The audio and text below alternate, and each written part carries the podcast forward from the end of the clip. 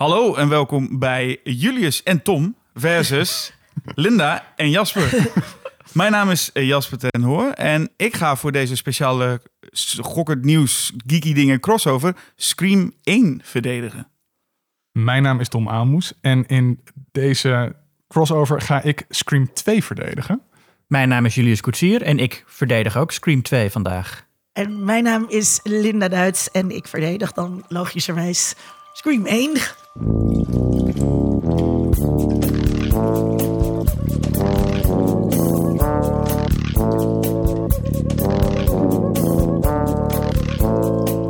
dus we lopen vandaag even wat, wat dingen door elkaar. Uh, meerdere formats. We gaan zo meteen dus een uitvoerig debat houden over welke film beter is. Scream 1 of Scream 2. Um, jullie weten nu hoe ik erin sta. Maar voordat we dat doen, gaan we even ons gebruikelijke dingen, dingetje doen.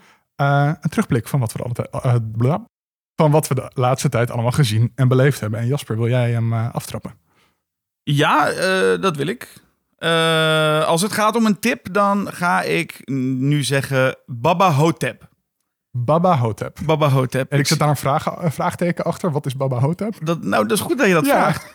Um, uh, ik heb daar onlangs, als er toch meteen reclame in komt voor de schokkend nieuws, uh, heb ik daar een recensie voor geschreven en kon ik hem nog een keer zien. Het is een film van Don Coscarelli. En Don Coscarelli is de maker die van, voornamelijk bekend is van de Phantasm films. Met die, ken je die met de vliegende, vliegende ballen en The Tall Man? Misschien? Ook nog steeds? Nee, sorry. Ge ja, sorry ja, nee. Ken jij die, Julius? Ja. Oh, wat, wat goed. maar ja, in ieder geval, het is een iets minder bekende uh, film. Maar het is wel, wat mij betreft, zijn meesterwerk. Uh, het is een horrorcomedy waarin Bruce Campbell speelt Elvis, die nog leeft. Uh -huh. uh, want is namelijk, hij is ooit ge is geruild van, met uh, de echte Elvis, was het op een gegeven moment zat. En toen ging hij ruilen met zo'n uh, impersonator. Mm. Iedereen weet dit. Ja. Ja, toch? Ja, toch? Ja, ja dat is ja. toch al gekend, ja. En tijdens het barbecue is hij de, dat contract verloren. Dus toen de echte de impersonator doodging, nou ja, was hij nog over. En hij zit nu in een bejaardentehuis. Uh, samen met uh, Ozzy Davis. Uh, en die is John F. Kennedy. Een zwarte John F. Kennedy. Die zegt ook dat ze hem...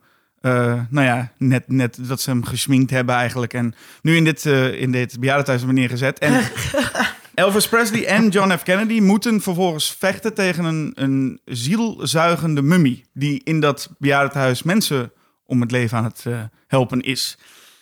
En dat is, het is een ongelooflijk komische film. Maar het is ook ontroerend. En dat vond ik zo bijzonder toen ik hem deze keer zag. Dat ik denk, het is eigenlijk ook iets heel moois. Het gaat ook over sterfelijkheid. En dan denk je, het, zijn, het is heel veel onderbroeken lol. Mm -hmm. Maar tegelijkertijd is het best ontroerend verhaal van, van deze, nou ja, Elvis en, en John F. Kennedy... die samen een mummie gaan verslaan. Het klinkt echt als een C-film, een D-film uit de jaren 70. Nou, daar heeft het wel in, invloeden van. En tegelijkertijd heeft het iets. Het, het is een film uit 2002, geloof ik. En het heeft iets. Het heeft wat ik zei. Het heeft iets onroerends. Het is. Uh, het is grappig en het is. De horror is. Nou ja, het is ook een beetje eng. Nou ja, dat valt, valt reuze mee. Um, maar die combinatie is echt. Dat, doet Don Coscarelli echt heel erg goed. Dus uh, ik wil daarom denk ik van. Gooi ik deze erin. Wat fijn dat er ook mensen zijn die me inderdaad niet kennen. Want dan breng ik hen deze tip. Ik ben wel heel erg benieuwd nu. Klinkt als een goed concept, toch? Ja, het klinkt als een totaal absurd concept, wat ik normaal nooit zou kijken. Maar nu jij er zo over hebt verteld, denk ik wel... Nou ja, misschien ga ik dat wel een kans het geven. Is, ja. Zou ik doen. Voor, voor komende Halloween is, is het een leuke. Ja. Het. Ja? ja? Heb je nog een tweede? Oh nee, ik, ik hou dit. Ik, je kunt geen tweede hebben. Dus... Oh, mag ik dan? Um, ik heb uh, gisteren gekeken naar uh, de nieuwe film over het leven van Whitney Houston. I Wanna Dance, de Whitney Houston movie op Netflix. Dat moet je niet doen. No, nee. uh, en, nou, het, is, het is best wel raar, want er zijn, de laatste tijd komen er een aantal, zijn er een aantal documentaires uitgekomen. Met een soort van eerherstel uh, voor Pamela Anderson, voor Brooke Shields laatst. En deze film, dit is een, een um, gedramatiseerde film, die doet het tegenovergestelde. Dus eh, Whitney Houston was blijkbaar echt een kutwijf. Die eh, haar vader eigenlijk het graf in heeft gejaagd. En eh, je ziet helemaal niets van het huiselijk geweld dat Bobby Brown pleegt. Terwijl dat toch wel een soort van algemeen bekend was Ja. eh, dat dat gebeurde. Ehm, je ziet eigenlijk alleen maar dat de, hun relatie begint doordat Whitney zijn aandacht probeert te trekken door met haar tasje op zijn hoofd te slaan. En ehm, eh, een, een slechte moeder. Nou, Het, het is. eh, we hebben echt met verbazing zitten kijken. Eh, en we zaten ons heel erg dus af te vragen.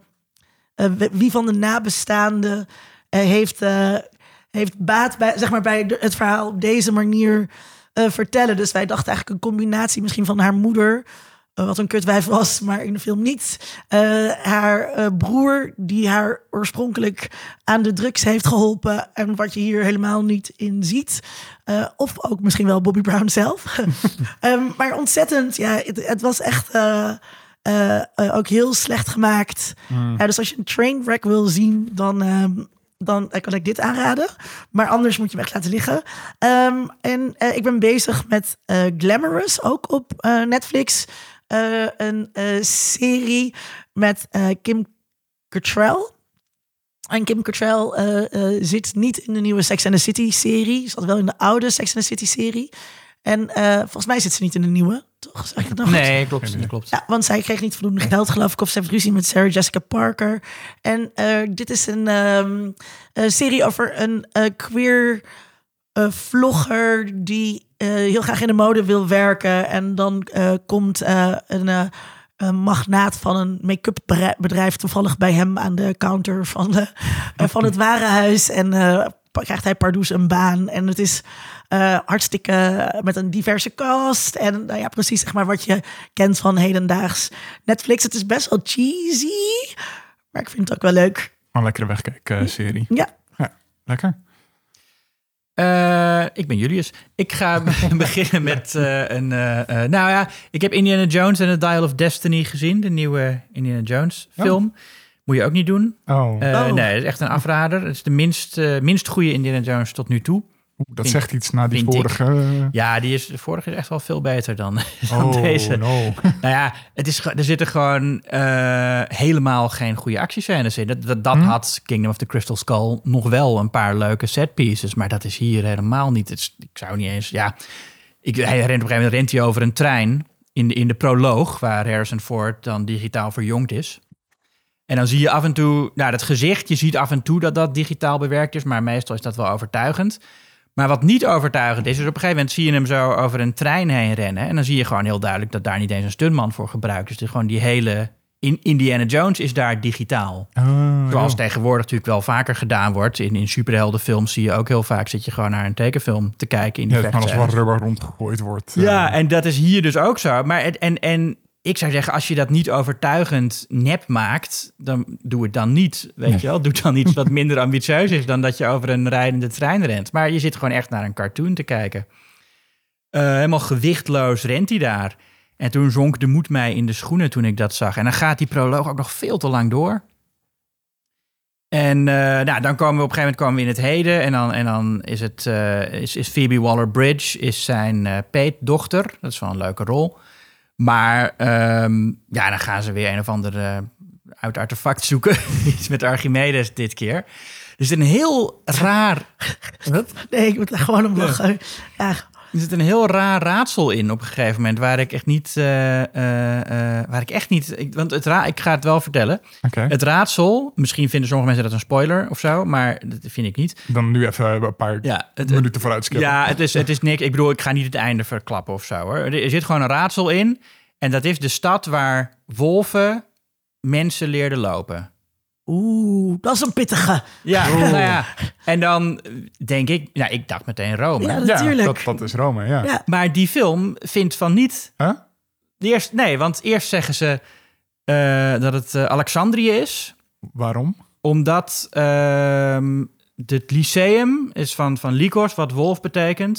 En op lyceum leren wolven dus Maar het mensen dingen Eerste doen. lyceum komt volgens mij uit Athene, toch? Ja, maar dit is wat... er stond er één in Alexandrië. Maar het idee dat het dus Rome is, dat komt, wordt in die hele film wordt nooit... En dan zeggen ze op een gegeven moment zeggen ze wel... nee, het is, eigenlijk- het is stiekem toch niet Alexander. Maar dat het Maar Rome het is toch wordt gewoon helemaal niet... Romulus en Remus. Ja, Ja, maar dat, dat dacht ik. Maar die film die, die, wolves, die ja. noemt dat helemaal niet als, eh, als, als optie. Zo raar. Maar ja, in, eh, in- misschien zeg maar dat in Amerika niemand gymnasium doet en dat krijgt Nou. op school, of zo op school. Ja, ik bedoel, de Hollywood-films zitten altijd vol met klassieke referenties. Dus Ja, en dit zou je wel moeten verwachten. Phoebe Waller-Bridge, die legt, dat gaat het helemaal uitleggen. Die weet er toch wel iets van in die film dan, hè? en de echte misschien ook wel. Eh, maar ja, nee, maar goed, dat is een detail. Het is verder, ja, het is gewoon echt geen, eh, het is echt geen, eh, eh, eh, helaas. eh, er worden, ja, er zit ook een soort nieuwe short round in. Eh, een jongen die ze tegenkomen, wel wat ouder, een tiener die ze tegenkomen. Die ook, dit is, ja, die heeft ook nog wat leuke momenten. Maar het is gewoon, ja, de afwezigheid van lekkere setpieces, die, die maakt het eh, een hele saaie... Ik zat me echt flink te vervelen. Terwijl eh, het is juist zo leuk om een, avond, om, om een avonturenfilm te zien, omdat, dat, omdat het zo weinig gemaakt wordt. Ja. En eh, dat draait op actiescènes. Maar is het dan dat ze, dat ze dachten, nou, dat hoeft niet, want mensen gaan toch wel. Ja, hij- ik- die James Mangold, die kan dat gewoon niet zo goed als Steven Spielberg. Hij- Ze proberen natuurlijk wel om het goed te doen, maar niet iedereen is Steven Spielberg, weet je wel. Nee, dat is ook wel Het een is- moeilijk om te overtreffen natuurlijk. Maar ja. om een beetje in de buurt te komen. Ja, nee, nee, maar ja, nee, je ziet gewoon dat er veel te veel CG in die actiescènes is gebruikt, waardoor het helemaal geen gewicht heeft. En dat is een probleem met actiefilms van tegenwoordig sowieso. Maar je had toch gehoopt dat Indiana Jones nog eh, enigszins... Maar dat eh, was bij Kingdom of the Crystal Skull toch al zo? Toen, Ja, toen, dat je ook toen, die eh, digitale apen en zo. Met, die- met Shia LaBeouf en die apen in Ja, die nee, dat, dat zat er wel in. Maar er zaten ook wel dingen in, in de, in de openingsscène... waar ze echt, dat is wel gewoon echt met ouderwets stuntwerk en, eh, en auto's. Daar zit geen... eh, zit niet heel veel digitaals in, die openingsscène. De, de, de, de, de, de auto-achtervolging aan het begin. Oh ja. ja. Nee, dat zweeft er niemand over een trein. Ja, Dat is waar. Fijn. Eh, dat, is, dat- dat is een afrader, Ja. Dial of Destiny. Ga daar, eh, nou ja, ga daar niet heen tenzij je een beetje somber wil worden van eh, eh, eh, oude Harrison Ford. Nee, dan sla ik hem even over. Ja, eh, wat ik zou aanraden, ik heb laatst voor het eerst van mijn leven eh, Garth Marenghi's Dark Place gekeken. Dit ken ik niet. Nee, een, Er valt hier een mond open. Eh, en er wordt onbegrijpelijk gekeken. ja, Jij kent het niet, zegt mij ook helemaal een, niet. eh, een Britse serie uit de vroege jaren 2000. zijn maar zes afleveringen. nog een keertje de titel. Want heb- Garth Marenghi's Dark Place. Oké, Oké. BBC. Eh, Channel 4. En het is een, een eh, parodie op horror tv uit de jaren 80. Het concept is Garth Marenghi is een horrorschrijver, een heel zelf ingenomen type die zichzelf heel wat vindt. En in de jaren 80 heeft hij een serie geregisseerd en geschreven en hij speelt daar ook de hoofdrol in. En die was voor Channel 4, maar die heeft Channel 4 nooit uit willen zenden. Volgens Garth Marenghi zelf, omdat ze dan te bang waren. Ehm, en nu komt die serie dan eindelijk op tv in de vroege jaren 2000. En elke aflevering wordt geïntroduceerd door Garth Marenghi zelf, die daar dan heel arrogant zit, zo te vertellen van hoe goed het allemaal is wat hij gedaan heeft. En dan is het merendeel, kijk je gewoon naar een aflevering van die oude serie die dan zogenaamd in de jaren 80 gemaakt is. Echt heel erg leuk. Een van de beste parodieën op, tele- op, op tv die ik eh, gezien heb. Op, op ja, eh, low budget en slecht acteerwerk en eh, belachelijke exposition, dialoog en slechte special effects. Het wordt allemaal, wordt allemaal heel goed nagedaan. En het leuke is dat het dus omgeven wordt door eh, ook interviews met de acteurs en, en, en door die inleidingen van de schrijver.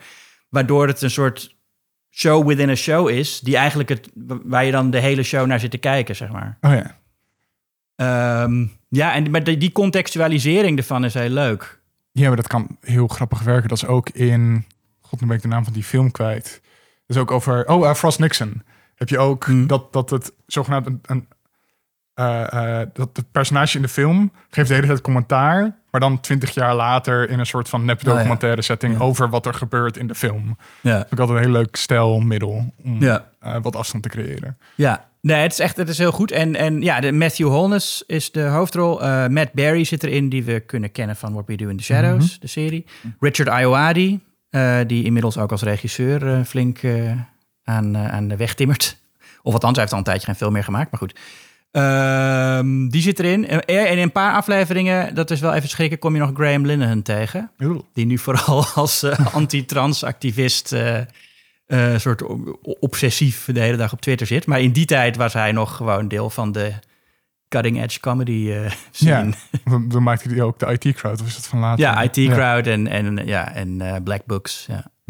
Vind je dat dan lastig? Heb jij daar Nou, moeite mee? nee, ik heb daar geen moeite mee. Het is een rare gewaarwording om hem opeens weer te zien en te denken: oh ja, toen was hij gewoon deze man. Maar Ja. het is voor mij geen reden om, dit, om dat niet te kijken of zo. Of om er raar naar te kijken? N- Nee, nee. Had je nog een andere tip? Eh, nee, dat was het. Oké. Card Ranger's Dark Place. Ik denk dat Jasper, ik zou jou het ook wel willen zien Ik kijken. heb eh, volledig geluisterd. Ja. Ik heb niet meegeschreven, maar het wordt opgeschreven. Ja, ja, ja. Ik kan het De, de luisteraar kan het terugvinden in de show notes. En het zijn maar zes afleveringen, want ja, het is Brits, hè, dus het- je bent er zo. Heerlijk. Ja. Oh, dat is sowieso fijn. Nu ben ik sowieso verkocht, ja. Ja, ja, ja. Eh, zelf ben ik ehm, wat, wat culturelere tip. Eh, ik eh, ben naar de Centrale Markthal eh, hier in Amsterdam geweest. Dan moet je met een treintje naartoe. En dan word je daar gedropt. En daar werd in het kader van het eh, Holland Festival eh, Euphoria van Julian Roosevelt eh, eh, liet ze zien.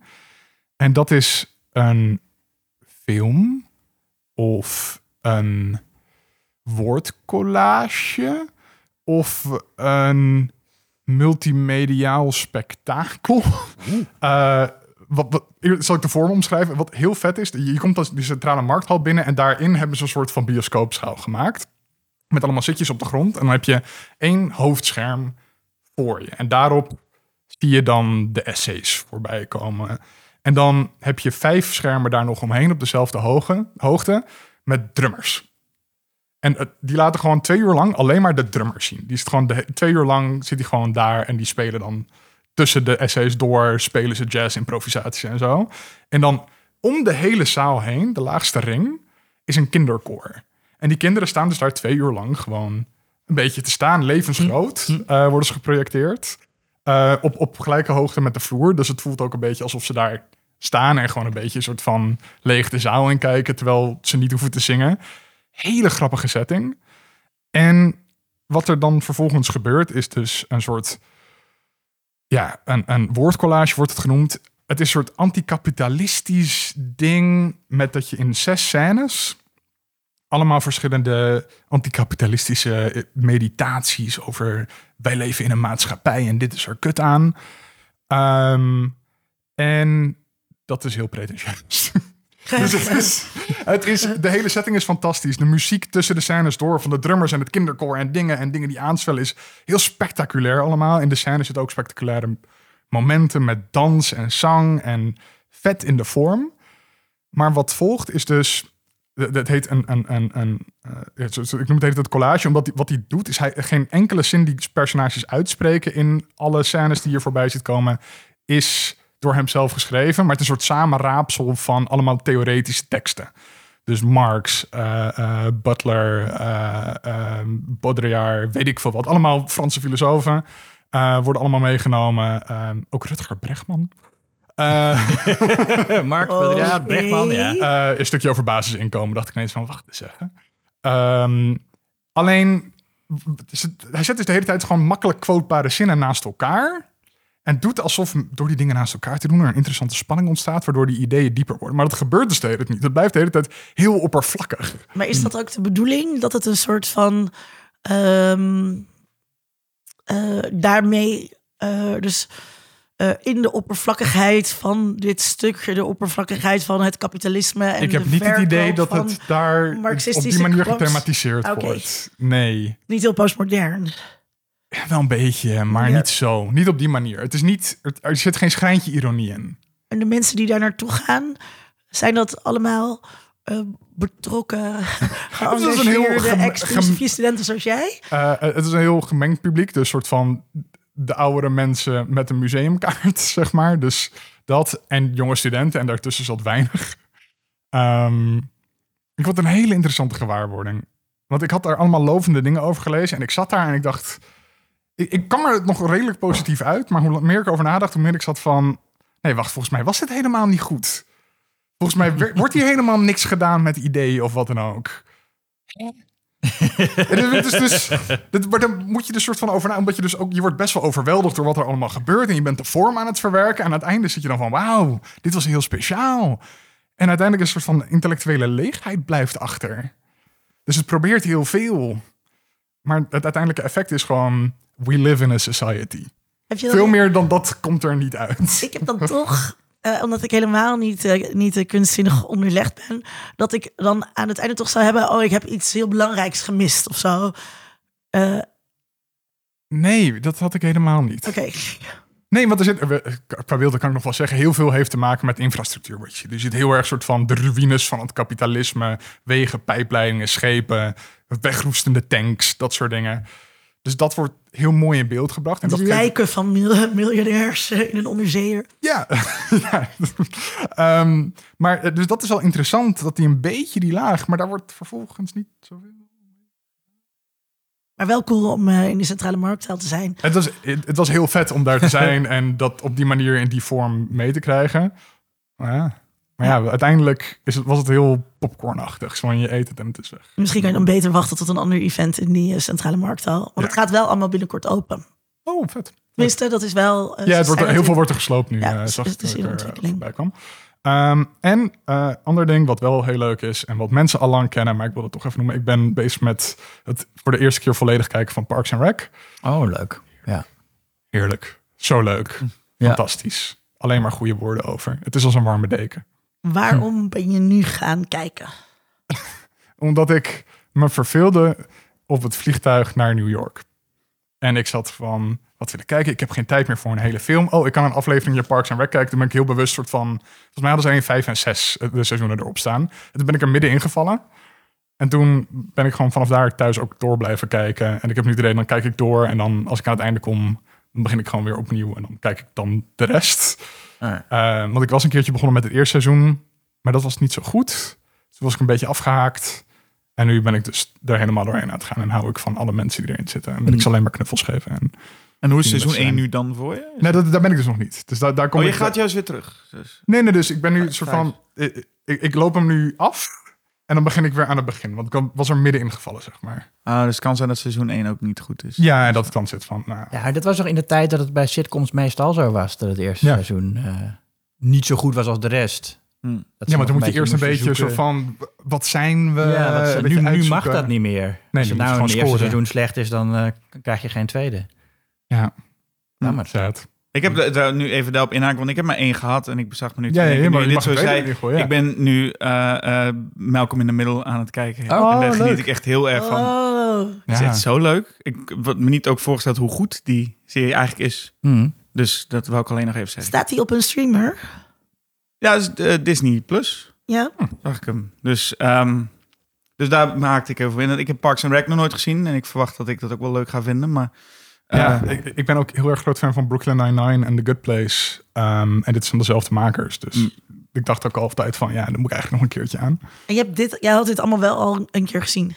Ja, sporadisch. En nu, nu ga ik, nu volg ik het gewoon echt alsof ik elke. Nu zit ik midden in de verhaallijn hoor. Er zit er middenin. Ja, Ze hebben net een kind, no- een nieuw, nieuw kind gekregen. want eerst was het gewoon, dan moest, het, dan moest je het toevallig tegenkomen. Precies. En dat was ook Ja. prima, want het zijn echt hele, het zijn gewoon losse afleveringen. Je hoeft niet per se een verhaallijn echt te, te volgen, maar eh, het, het, het is echt heel goed gedaan en heel. Het zijn zulke leuke personages. Dus Ja. dat. eh, Dat ga ik ook kijken, daar heb ik helemaal zin in. ja, toch? Ja. Ja, ik vond het, ik vond het toen altijd heel leuk. Eh, en gewoon alle, alle acteurs briljant, ook die kids die Ja, die rollen ja. spelen. En gewoon zo'n eh, soort, soort VPRO-vibe, achterwerk-vibe. Hm. Eh, of hoe zeg je dat, de file achterwerk-vibe. Amerikaans, dat, dat zie je gewoon niet zoveel. Nee, en ik vind het zo fijn dat ze zo eh, dat ze alle acteurs zo ver krijgen dat ze net iets meer doen dan normaal acteurs gewend zijn om te doen. Het is over de top, maar niet heel vervelend over de top. Maar iedereen zit zo echt te acteren dat je denkt, nou, geniet er maar van, want zo mag je nergens anders meer acteren. En dat, Ja. dat doen ze allemaal ook zo. Dat is echt heel fijn. Ja, Ja. het, het, eh, ehm, er zijn eh, bepaalde ehm, mensen die verdedigen dat dit eh, ook hoort bij het begin van de Golden Age of Oh. Television. Wat normaal toch meer bij de Sopranos en zo en The Wire eh, wordt gelegd. Zijn er eh, pleitbezorgers en, en ik denk dat ik vind dat heel leuk, op, juist omdat het meer een beetje soort als een kinderserie, wat het niet is, ehm, eh, neergezet wordt. Dat dat klopt. Het zijn heel gelaagde personages. Ja. Die, En het was ook echt een unieke serie in die tijd. Een Ja. familie-sitcom die zo vormgegeven was. Ja, want je Dat, merkt eh, het nog niet, niet dat het per se de, de maatstaf is. Maar er was een tijdje geleden je WandaVision. En die ging Mhm. van Marvel. En die ging alle beetje soort van sitcom vormen langs. En dan werd Ma- Malcolm in the Middle was gewoon een aparte aflevering. Nou, Ja. dat zes, zeven afleveringen. En daar is Malcolm in the Middle één van. En dan zie je er al aan hoe die toon uniek was. En, Ja. Ja, nou ja, dat het toch gewoon in dat tv-pantheon Ja, terecht is gekomen. zeker. Als, Marvel daar ook zo naar terug verwijst. Ja, maar je Want- kunt inderdaad heel snel denken dat het iets heel kinderlijks is, inderdaad. Dat zie je een beetje, dan denk je, oh, dat zal wel mogelijk voor, voor echt voor kleine kinderen zijn. Een beetje de reputatie die South Park in het begin een beetje had. Althans, ik kende Mm. meer mensen die zeiden, ja, maar dat is, dat is voor, echt voor kleine kinderen. No. Maar als je het dan ziet, denk je, ah nee, dat is eigenlijk helemaal niet zo. En dat had dit ook wel. Daarover gesproken, eh, is ook weer een, een nieuw seizoen It's Always Sunny in Philadelphia bezig. Oh joh, Dus dat we doen even een heel sitcom. Ja, ik dacht, Eh, het ja. het kwam in me op dat dat ook weer er is. En dat, dat is ook leuk. Oh, maar die zijn heel lang nu. weg geweest, toch? Of? Die zijn twee jaar weg geweest. Oh, dat dat doen ze mee. Ja, nee, die hebben ook allemaal andere dingen te doen, eh, al die acteurs. Maar eh, dat is nog steeds, nog steeds een heel goede... De langslopende live-action sitcom aller tijden. Huh? Wist je dat? Nee. Ja. Maar dat is echt gewoon een soort sleeper. Dat is zo'n cultserie. Ja, 16 seizoenen houden ze het vol. ik wist dit. Ik had een uh, bachelorscriptie dit jaar eh, Oh. daarover. Over leuk. eh, eh, de inzet van satire in eh, Ja. City.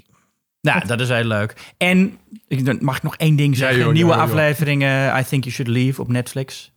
Beste sketchshow van de, deze eeuw, denk ja. ik. I Think You Should Leave Zo. with Tim Robinson. Het is zo grappig. Allemaal in de show notes.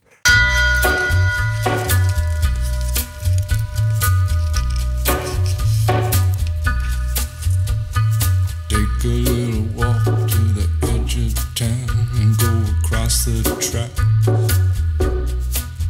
where the viaduct looms like a bird of doom as it shifts and cracks. Ik moet aan het begin van dit onderwerp eventjes een bekennen, eh, bekenning doen aan jullie.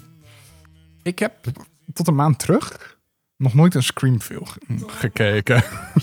Wauw. Eh, nee, dit is gewoon, je hebt dan het idee dat je het wel kent met, met Scream. Omdat het zo in de popcultuur zit. En ik heb Scary Movie als kind wel gezien en zo. Dan is het ook nog... Ik had niet door wat Scream was. Wat Scream heeft betekend voor het genre en hoe meta het allemaal is. Voor mij was Scream gewoon... Oh ja, dat is een slasher uit de jaren negentig. En, en, en, de, en, de, en de, hoe zeg je dat? De oorzaak van eh, Scary Movie. Ja, dat, dat is het meer. Maar dus wil ik even aan jullie vragen: van wat betekent Scream voor jullie? Hebben jullie wanneer hebben jullie dat meegekregen? Wat, wat, hoe, hoe, is dat jullie beleving? Ik weet dat het in een middelbare school eh, Scary Movie een groter ding was wel dan Scream. Niemand had het over Scream, iedereen had het over Scary Movie. Ja, En, Ja, maar dat was maar ook... dat zegt ook iets over pubers. Zeker. Ja, en, en over hoe recent. Want dat, die films zitten misschien zitten vijf jaar na elkaar. Maar Ja, dat is op die nee, leeftijd precies, natuurlijk precies. Een, een enorme... Ik zie Scream eh, ook een beetje als de... Want ik heb Scream niet meegemaakt als dat het... Want toen was ik tien volgens mij toen die eerste uitkwam. Maar een beetje de eerste trilogie. Want die kwamen allemaal... Zijn Mm, achter elkaar ja. gepropt. Toen was het de Scream-trilogie.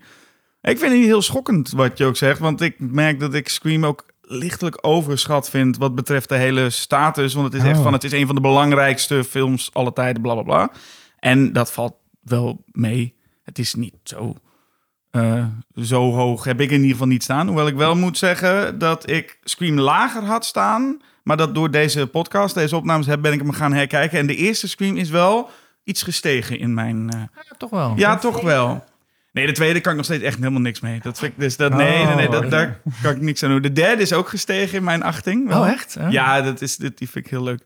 Eh, dus het- wat dat betreft is het dat... Ik dacht nog iets minder over de eerste Scream.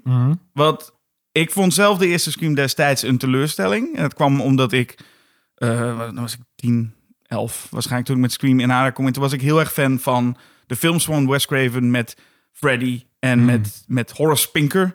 Bovennatuurlijke monsters, dat vond ik tof. En dan, wat krijg je nu? Dan krijg je nu een paar saaie Een gast tieners met een met, stemvervormer. met een stem voor, maar dan komt er iemand met een mes. En dan denk ik, en een, een kluns is het ook, die over, oh, echt om, om het minste of geringste op zijn bek ligt. En ik dacht, wat is dit nou? Dit wil ik niet. Maar ik snap nu wel veel meer waar het... Maar ik kon, toen kon ik er niet zoveel mee. En toen werd het echt op een voetstuk geplaatst. En dan zie je de vervolgen Scream 2 en 3 ook wel. En dan denk je, ja, dit, dit is niet echt voetstukwaardig. Maar het heeft wel echt, natuurlijk heeft het heel veel betekend voor het genre. Maar ik heb, ik heb nooit echt een, echt een liefde met Scream gehad... die ik bij heel veel andere mensen wel heel erg voel. En zeker Ja. Scream 2, daar hoor ik echt heel veel mensen... die echt verliefd zijn op die film.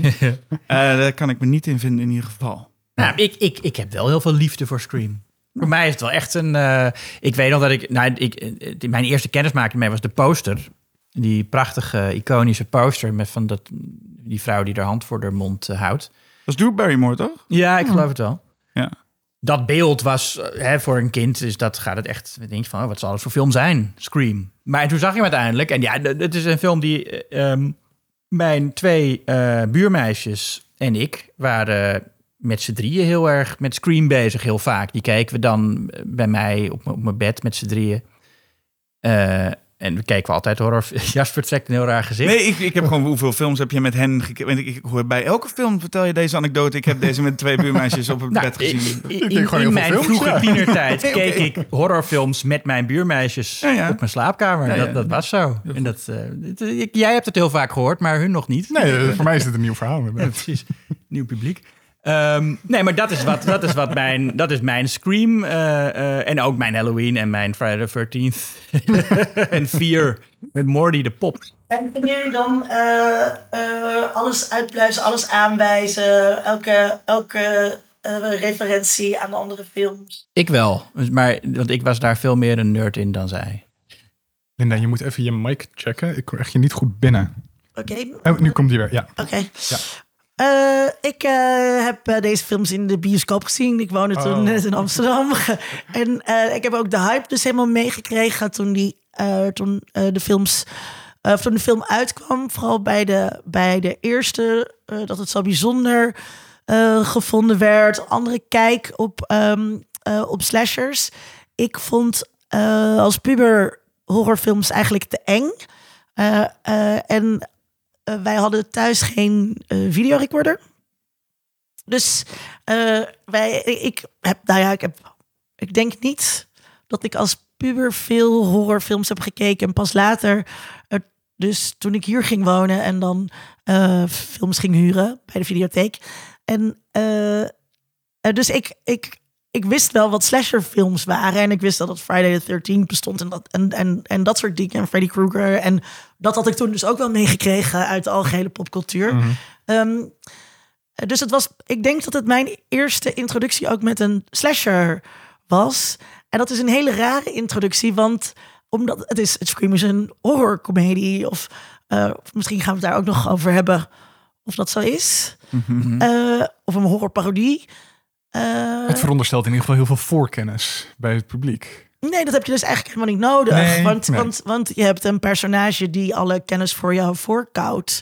Terwijl je toch ehm, als kijker, ook als je dus niks van slasherfilms weet, als heel media savvy wordt aangesproken. Omdat de veronderstelling is dat de kijkers dat allemaal weten. En dat is natuurlijk een hele prettige positie om als kijker in te zitten.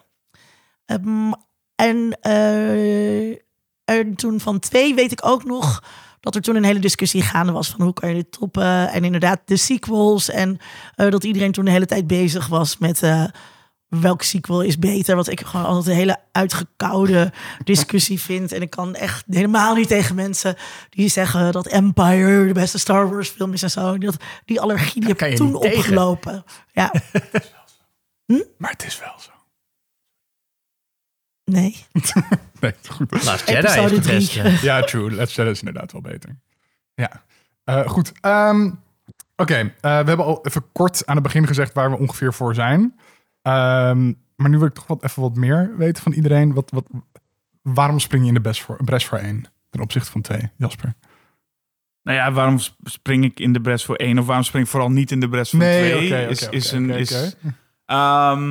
Zal ik, zal ik zeggen waarom één, eh, waarom één zo belangrijk is en alles? En, en, en Sure. twee, Ja. daar dus gewoon nooit aan kan toppen. ik weet niet, doen jullie het altijd heel, ook echt wel... oh, gestrekt benen Ja, al. ja, joh. ja. Gewoon, maak ze af. Maak ze af. Jullie zijn ik losers met een domme mening.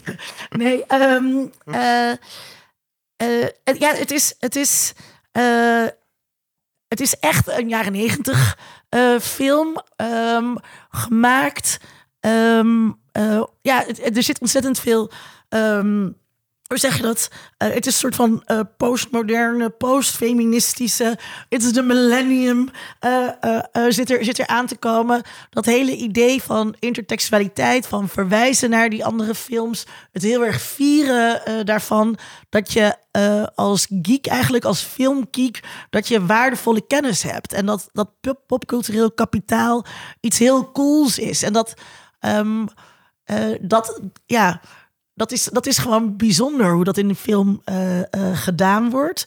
Ehm, en ja, ja dat, er zijn maar weinig films die iets heel nieuws en iets heel anders doen. En dat deed Scream. En twee, ging dat nog een keertje doen. Ja, dus daarmee eh, is Scream belangrijk. En de franchise misschien ook belangrijk, maar twee, onbeduidend. Kijk, er is ook maar één ding. Scream, Scream, de hele serie, als je de hele serie van inmiddels zes films bekijkt. Scream's hoogtepunt zat in de eerste film in de openingsscène. dat is gewoon het hoogtepunt van de hele serie. Daar is nooit de serie meer, meer dat, dat, dat lukte niet meer. Dat was een berg en daar kon ze niet meer tegenop. En dat zie je ook duidelijk als je, nou laten we openingsscène Scream, openingsscène Scream 2. Ik bedoel, de de- bioscoop. in de bioscoop. Ja, de eerste met Drew Barrymore, waar alle regels neergezet worden, waar je, waar je de, de, de spanning die erin zit, je leert het personage een beetje kennen, de verrassing die er natuurlijk in zit van Drew Barrymore, die eh, gaat ze de hoofdrol spelen? Oh nee, toch niet? Maar, maar, nee, maar dat, je, de- je denkt niet eens gaat Drew Barrymore de hoofdrol spelen. Drew Barrymore gaat de hoofdrol spelen, want Drew Barrymore was de grootste ster. En eh, eh, op dat moment ook ontzettend populair. En het was gewoon nog nooit gedaan dat eh, een personage zo vroeg gekild werd. Eh, dus, dus iedereen was stom verbaasd dat dat gebeurde. Ja. Nou, in ieder geval de, de, de vergelijking met Psycho wordt heel vaak aangehaald met, eh, met Janet Lee die dan omgebracht wordt. En ik denk dat dat... Maar de scène aan zich is ook gewoon heel, heel strak. Het is een hele strakke scène. En ja, die tweede, hè, toch? Mag ik nog één ding zeggen ook? Je mag, Over- ja, zeker mag Nou ja, je- dus over eh, eh, Drew Barrymore. ehm, eh, dat Drew Barrymore natuurlijk bekend is geworden in, in E.T. Als het, als het kleine meisje dat zo eh, schreeuwt. Zij is ook... eh, er zitten allemaal betekenissen zitten op haar. Dus ze is ook veel... Ze speelt een veel blonder iemand dan dat zij daadwerkelijk is. En ook daar zie je al die gelaagdheid van... van eh, eh, of die intertextuele verwijzingen die je dan allemaal kan- lekker mee kan nemen als kijker, die daar ook al in zitten. Sorry, ga verder. Nee, ja, de- de- goed, goed punt. Ja, maar het, het vervolg is zich daar ook van bewust van zijn status als vervolg natuurlijk. En speelt daar ook mee. En daarom is het ook zo leuk dat in de openingsscène van het vervolg... de openingsscène uit deel 1 minder goed wordt nagedaan. Ja. Hè, met Heather Langenkamp is het geloof ik, die daar... Nee, Ik weet niet welke actrice dat is. Eh, dat is. eh, ik, ik, ik moest nu denken aan Carmen Electra, maar dat is natuurlijk uit Scary Movie. Eh, nee, het. ding is ehm, eh, Heather Graham. Het- Niet Langenkamp. oh nee, ik, ik dacht aan Heather Graham. Ik zei Heather Langenkamp, maar die is uit Nightmare on Elm Street. Ja. ja nee, Heather Graham inderdaad. Ehm, en ook, ja, gewoon wel nog dezelfde popcorn, eh, wat zo'n prachtig element is in de, in de oorspronkelijke versie, maar dan dat het minder goed uitgevoerd is en dat het wel de douche-scène heeft en weet je al die, al die sleazy dingen. Eh, dat vind ik, heel, ik vind de openingsscène van Scream 2 ook heel rijk wat dat betreft. Nou, de elementen van Stab, de film in Scream 2, dat is leuk. Maar dan is dat is het leukste moment is daar met als ze die, die schoolscène hebben met, met Luke Wilson, volgens mij als Billy. Ja. Die zichzelf dan voor zijn hoofd slaat met stupid. Dat is, dat is, dat is echt heel grappig gedaan. Ehm, En Tori Spelling als ehm ehm Oh ja, Rose. Tor, Tor, nee, Tor Spelling is dan Sydney, toch? Ja, Omdat Oh, Sydney ja, in de eerste precies. film ook zegt van... Ja. oh, dan zal ik wel weer gespeeld worden door Tor Spelling of zoiets. Ja. Ja. En dat is dan ook zo. Het is wel natuurlijk een heel raar idee dat je een, dat zo'n horrorfilm gemaakt zou zijn over zo'n tragedie hè, in het echt. Moet je je voorstellen dat er over, over, over de Columbine schietpartij het jaar daarna al een Ja. zo'n soort film gemaakt zou worden. Ja. Waar iedereen er ook meteen het masker van heeft. Dat is Maar ook- het, het Scream-universum zit vol met klootzakken. En ik bedoel, Ja. deel 1, als, de, de, als, je, als de, de, de, de decaan of wie is het, de, de, de school, het schoolhoofd wordt een, op een, aan een paal wordt gebonden. kijken, en dat ja. iedereen in- op het feest zegt, we gaan met z'n allen kijken. Ja. En iedereen gaat ook mee. Ja, ja maar en, het is ook in de jaren negentig niet heel bijzonder. Want je hebt ook, volgens mij was het Law and Order. Die serie deed ook heel vaak, volgens mij, eh, eh, echt zaken die echt waren gebeurd, Hmm. namen ze mee. Ook al best wel snel nadat ze gebeurd waren. Mm. Dus dat zit zeker wel in Amerikaanse Ja, popcultuur. ja, ook in ja. die tijd. Niet, Maar niet op de- die sleazy manier.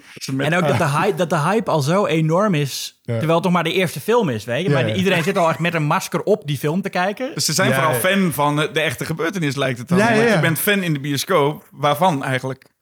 Ja, ik vind het grappigste eraan, dan, op een gegeven moment dan is die film is al bezig. eh, maar dan rennen er alsnog van die gasten door de, door de lobby met zo'n screenpak. En die roepen dan ook, I'm gonna stab you, man. Het zal een catchphrase worden. Voor Ja. de, ja, maar het is ook, dat, dat zeg je, die, die, die eh, Omar Epps gaat dan plassen. Ja. En dan staan er dus twee mannen in zo'n Ghostface pak, die staan dan te plassen. Dat je Ja. denkt, je, je wil niet voor de film, waar je zo'n fan van bent dat je een pak koopt, ben je niet gewoon dat je eerst gaat plassen en meteen naar die film gaat. Nou ja, goed. Maar het is wel, ja, en eh, wat, ik, wat natuurlijk ook in die film aan het begin aan bod komt, en dat is iets wat nu, zou je dat ook niet meer doen, is, is dat daar wordt dan ter sprake gebracht hoe zwarte mensen weinig aan bod komen in horrorfilms. Dat zijn Jada Pinkett Smith en eh, Omar Epps inderdaad. Eh, Jada Pinkett Smith overigens een van de weinige zwarte Final Girls. En jouw favoriete film Demon. Knight, ja, zeker. Ik denk, misschien is het ook wel dat ze daarom gecast is hierin. Ik denk dat het door die, omdat Omar Epps en Jada Pinkett Smith in die tijd volgens mij wel een beetje hot waren met, met was het Menace to Society of Juice? Of in ieder geval, dus ze zaten volgens mij net in die Hmm. eh, films. Dus ik denk dat ze, ik, stiekem denk ik dat ze dachten dat zij groter zouden wo- worden of zijn dan ze eigenlijk geworden zijn. Mm. Dat ze wilden volgens mij wel een soort Drew Barrymore. Een beetje dat je elke Scream, Ja. je grote sterren in de openingsscène hebt.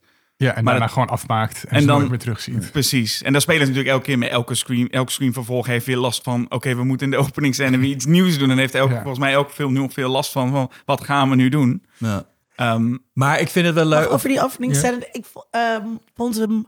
Ik was hier, ik was alles vergeten trouwens. Dus ik eh, wist eh, bij twee eh, nog wel. Eh, ik dacht nog wel dat die verslaggever het inderdaad. eh, we spoilen toch? Ja, ja, Eh, ja, dat- de verslaggever eh, het gedaan had, maar wist ik niet meer zeker. En of er nou ook een tweede was. Ehm, eh, dus dat maakte het nu, nu kijk ook weer prettig. Maar nu ik het zat te kijken, dacht ik, oh ja, het is eigenlijk ook heel raar dat nooit iemand eerder heeft bedacht dat je tieners naar een slasher laat kijken, waarbij er dan een moordenaar in de zaal zit. Of is dat wel eerder? Nee, dat is toch ook, was toch ook nieuw? Ik zou zo gauw geen voorbeeld weten waarin dat eh eerder, maar dat misschien. eh, ik heb wel het vast- gevoel vast wel. dat heel veel dingen die Scream deed... want dat is ook een beetje... Ja, het is dus altijd vervelend dat een film op een voetstuk wordt gezet met... Oh, dit dit was de eerste ooit. En dat is eigenlijk bijna Nee, nooit dat zo. is ook. Maar dat, Want nee. de, de, de Scream was uniek, maar je had in de jaren 80 en 90 ook wel eh, dingen als Evil Laugh, eh, Student Bodies, een beetje de horrorparodie. Eh, maar dan niet parodie in Scary Movie, maar wel echt horrorfilms met personages die refereren naar eh, eh, andere horrorfilms. Het beste voorbeeld is de beste Friday the 13th deel die er gemaakt is. Deel 4. Deel 6. Eh, Dat is een andere Maar ik- aflevering. Maar in ieder geval de Ja, regisseur van eh, die eh, film, Tom McLaughlin, zei ook dat Kevin Williamson, de scenarist, ook naar hem toe kwam en zei: Jouw film heeft wel mij echt geïnspireerd voor Scream. Want in Jason Lives, dat is de zesde film, zit er ook bijvoorbeeld een scène waarin een stel in een auto zit en dan zegt een: Ja, ik heb genoeg horrorfilms gezien om te weten dat een man met een masker. eh, geen goed idee is, we moeten terug. En dan staat daar Jason. En daar zitten meer van dat soort grappen in. Dus daarna, iedereen die roept inderdaad Scream was uniek, want dat was nooit eerder gedaan. Wes Craven zelf deed het twee jaar voor Scream met Mhm. Wes Craven's New Nightmare, de zevende Freddy. Waar die heel erg nog me- meer meta dan meta ging. Maar wat maakt het dan dat... Ik bedoel, die, andere films waren echt niet zo'n groot succes. Wat is het dan aan Scream dat dat nu... Ja, het is ook die combinatie met soap, denk ik. Ja? Want ik, ja, Ja. Ik, ik, dan, ik, ik, ik vind, ik zei net, eh, Friday the 13th 4, die vind ik ook best wel bewust van de slasher-conventies op een speelse manier. Maar het was inderdaad nooit zo expliciet gedaan als met Scream, dat echt iedereen het de hele tijd het erover heeft. Eh, en het werd nooit echt ingezet als, ehm, als een spanningselement. Hmm. Dat je zegt van, oké, jullie kennen alle regels. I- iedereen weet, in een horrorfilm moet je nooit dit en dat doen. Maar wat heb je eraan? Want die moordenaar zit toch achter je aan. Dus dat is het ook. Het, is de, het, het, het, het versterkt ook de spanning. Om de- Ja, omdat ja, het ook meer aansluit bij hoe mensen horrorfilms kijken. Die Ja, film zegt eigenlijk van jij denkt dat je, ja, jij bent super slim, jij kent alle regels van de horrorfilms. En daar gaan wij en jij mee gaat spelen. lachen. Ja. Maar ja, wij vertellen je, die moordenaar komt achter je aan. Ook al ken je alle regels. Eh, eh, dus ik denk dat dat heel erg meespeelt. En ik denk dat inderdaad ook het, het, het, het soap-element heel goed werkt in eh, vooral de eerste twee Die film is Wat bedoel je met het soap-element? nou, dat het veel meer aandacht is voor eh, de, die relatie tussen Sydney en Billy en, eh, en, en, en Randy nog er, erbij, weet je wel. Als, een, als iemand die stiekem verliefd op haar is. Dat is veel meer uitgewerkt dan in veel slashers uit de jaren tachtig. Ja, het, het is echt een soort 90s high school Ja. drama. Zit er ook in, doorheen geweven. Ja. Dat maakt het ook heel...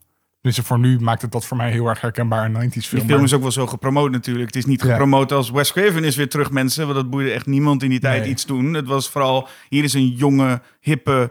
eh, nou ja, en Kevin Williamson is op een voetstuk geplaatst met... Hier is een hippe nieuwe schrijver, maar vooral ook de, die cast. Ja. Ja. Die werden echt gezien. Kijk eens, kijk eens naar deze sexy, jonge, toffe Ja. mensen waar je sowieso naar wil kijken. ja, frisse winter doorheen. Ja. En, en gewoon En cool. volgens mij allemaal namen die misschien nog niet 100% daar waren, maar wel allemaal al een beetje naam hadden en iets konden. En Ja. je ziet ook wel, het zijn getalenteerde acteurs die daar Ja, eh, staan. behalve misschien David Arquette. Maar Nou ja, David Arquette is, is... Ik vind het grappig dat David Arquette is een van de minder irritante personages in Scream. En dat is heel knap eigenlijk. Want ik bedoel... ja, maar het was- is gewoon alsof een plank aan het acteren is. Ik vind was dat soms, helemaal- is echt... ik vond, eh, want toen was volgens mij Courtney Cox al wel eh, populair en bekend. Ja. Eh, eh, van Friends. En zij is met eh, David Arquette getrouwd. En ze hebben, elkaar volgens mij ontmoet op de, op de set van Scream eh, 1. van Scream Ja. 1. En toen ik nu weer Dewey zag, ja, ik was echt helemaal, ik smolt weer eh, helemaal. En dus het zijn, dus, dus, dus, dus er was ook een golfje van eh high school films weer gaande, wat weer, wat, weer, wat weer populair was. En dan nu met deze namen erbij. Ehm, ja, alle, alle personages zijn op de juiste manier uitvergroot. Zoals ze dat. Eh, zoals we kennen uit de tropes uit de, uit de jaren 90 en jaren 80 high school films. Dus dat past allemaal. Ik denk dat het gewoon allemaal goed bij elkaar paste. En ik moet zeggen, ja, de, eh, de toon is heel snel gezet. De spanningsboog is gewoon heel erg goed. Het is heel verrassend dat er twee moordenaars eh, blijken te zijn. Je, je wordt gewoon de hele tijd eh, heel erg vermaakt. Het motief is ook wel, wel verrassend, vind ik. Dat het zo lullig is eigenlijk. Hè? Dat Billy is gewoon kwaad dat ze, dat ze, dat ze ouders gescheiden zijn. Dat is Ja, het. Het is ja. een jongetje wiens ouders gescheiden Geen zijn. gekke En psychologische diepgang, Ja. niks. Het is gewoon heel fijn dat als je ouders dan gescheiden zijn en jij besluit om te gaan moorden en dat je dan ook gewoon iemand op school vindt die zegt, oh ja, chill, ik, ben, ik doe wel mee. Ja, peer Ja, Ik ben pressure. ook gek. Ja, ja, ja. ja En dan ja. is het is vooral leuk als je dan de hele serie kijkt, dat je gewoon bij jezelf voelt van dit alles is gewoon gebeurd omdat er ooit iemand, het is allemaal de schuld van, eh, wat was het dus, Eh, de moeder van... Maureen Prescott die ooit een keer vreemd is gegaan. En dat Er is zit nu- heel erg slutshaming in. dus, is- ja. Ook dat ook eh Neve Campbell dan eigenlijk eh, haar moeder, de, de- degene die Sydney speelt, eigenlijk ook wel een beetje haar moeder gaat slutshamen. Dat toch ook wel, ja, misschien was mijn moeder ook wel veel te sletterig. En Doet ze dat? ja, ja, ja. In de eerste? ja Ja, als ze daar gaat ja. twijfelen, ja. En, eh, Maar ja, is dat, maar ja, oké. maar is, denk je dat dat echt slutshaming van de film is? Of is dat een beetje van, zo, zo zou je ook kunnen denken als je dat trauma hebt? eh, nou, de, nee, er wordt, er wordt nergens kritiek daarop geleverd. Ik vind het wel ook in de film zitten. Hm, oké. Eh, Ja, het is wel natuurlijk gewoon, die ja, hele Don't trope have van... sex, ja. Ja, maar dat, dat wordt eh ondermijnd in deze film. Dat, ze heeft wel seks en ze gaat niet dood. En ehm, dat het dus die, die, die ellendige witte cis eh, hetero jongens zijn die eigenlijk niks te klagen hebben en dan eh, psychopaten blijken, eh, blijken te zijn. Eh, dat is natuurlijk ook een heel erg jaren negentig thema Ja. eh, eh, van de high school shootings. Columbine. Eh, die, steeds, ja. die steeds groter werden. En ook ehm, nog voordat er een cultuur op internet was waarin die jongens samenkwamen eh, en elkaar gek gingen maken. Eh, degene wilde zijn met de meeste eh, moorden. eh, met de, de meeste mensen op hun naam. Ik wil de high score. En ja, en daar beroemd in willen worden. En dat is die, dat etterige personage. Die doet het natuurlijk daarvoor. Die doet het voor de faam. Ja. Ja, jij zegt nou hetero. Er zijn heel veel theorieën dat eh, Billy en Stu eh, eh, in in de kast zitten. Dat ze, Ja, of in ieder geval Stu het ook deed omdat hij verliefd is op Billy. Ja. ja. Dat men twijfelt dan niet over dat Billy en Sid wel iets hebben, maar... Mm. Want ook hoe Billy zit dan aan het, aan het pressure is om seks met hem te hebben. Ja, dat wijst in ieder geval niet op homoseksualiteit. Op tenminste Nee, biseksualiteit zou ik dan zeggen. ja. Maar dat is wel een Scary Movie. Ik, ik moet nu echt heel erg graag in mijn Ja, Scary herinnering. Movie, Dus die, die, die, die is zet dat heel, wel zo in, toch? Ja, dat is ook al die Scary maar dan heel zijn, eh, homofoob. Ja, dat zijn sowieso die Wayans Brothers hebben volgens mij geen enkele film gemaakt waar geen homofobie in zit. Nee. Jammer. Ja. Ehm, goed. Ik zat Ehm, hierbij dus ook heel erg te denken, zijn dit eh postfeministische films? Dus de jaren negentig eh, is een tijd van postfeminisme, waarin je allemaal een soort van can-do girls had, eh, actiehelden, eh, eh, die goed konden vechten, maar toch vaak gewoon wel heel knap en heel slank en wit en al die dingen eh, waren. Ehm, of een feministische film, en daar ben ik niet helemaal uitgekomen. Ja. Allebei. Allebei. Ja. Om gaat het je uitleggen. nou, nee, maar het, het is, ik denk dat het een voorbeeld is van allebei. En dat het voornamelijk dat postfeministische is. Maar dat het niet postfeminisme is op een manier waar we nu vanuit een wat moderner feminisme op terug kunnen kijken. En zitten van, jakkie, dat was postfeminisme. Want ze is wel nog steeds gewoon badass. Ja. Net als Ja. Gail Weathers ook. Ja, maar dat is gewoon, de Buffy zou je ook als postfeminisme kunnen zien. Maar is ook vanuit moderne oogpunt nog steeds hartstikke feministisch. Want ze is gewoon vet en ze is badass en ze doet het gewoon. Ja. Ehm, ze had- Buffy die trouwens in twee zit. Ja, inderdaad.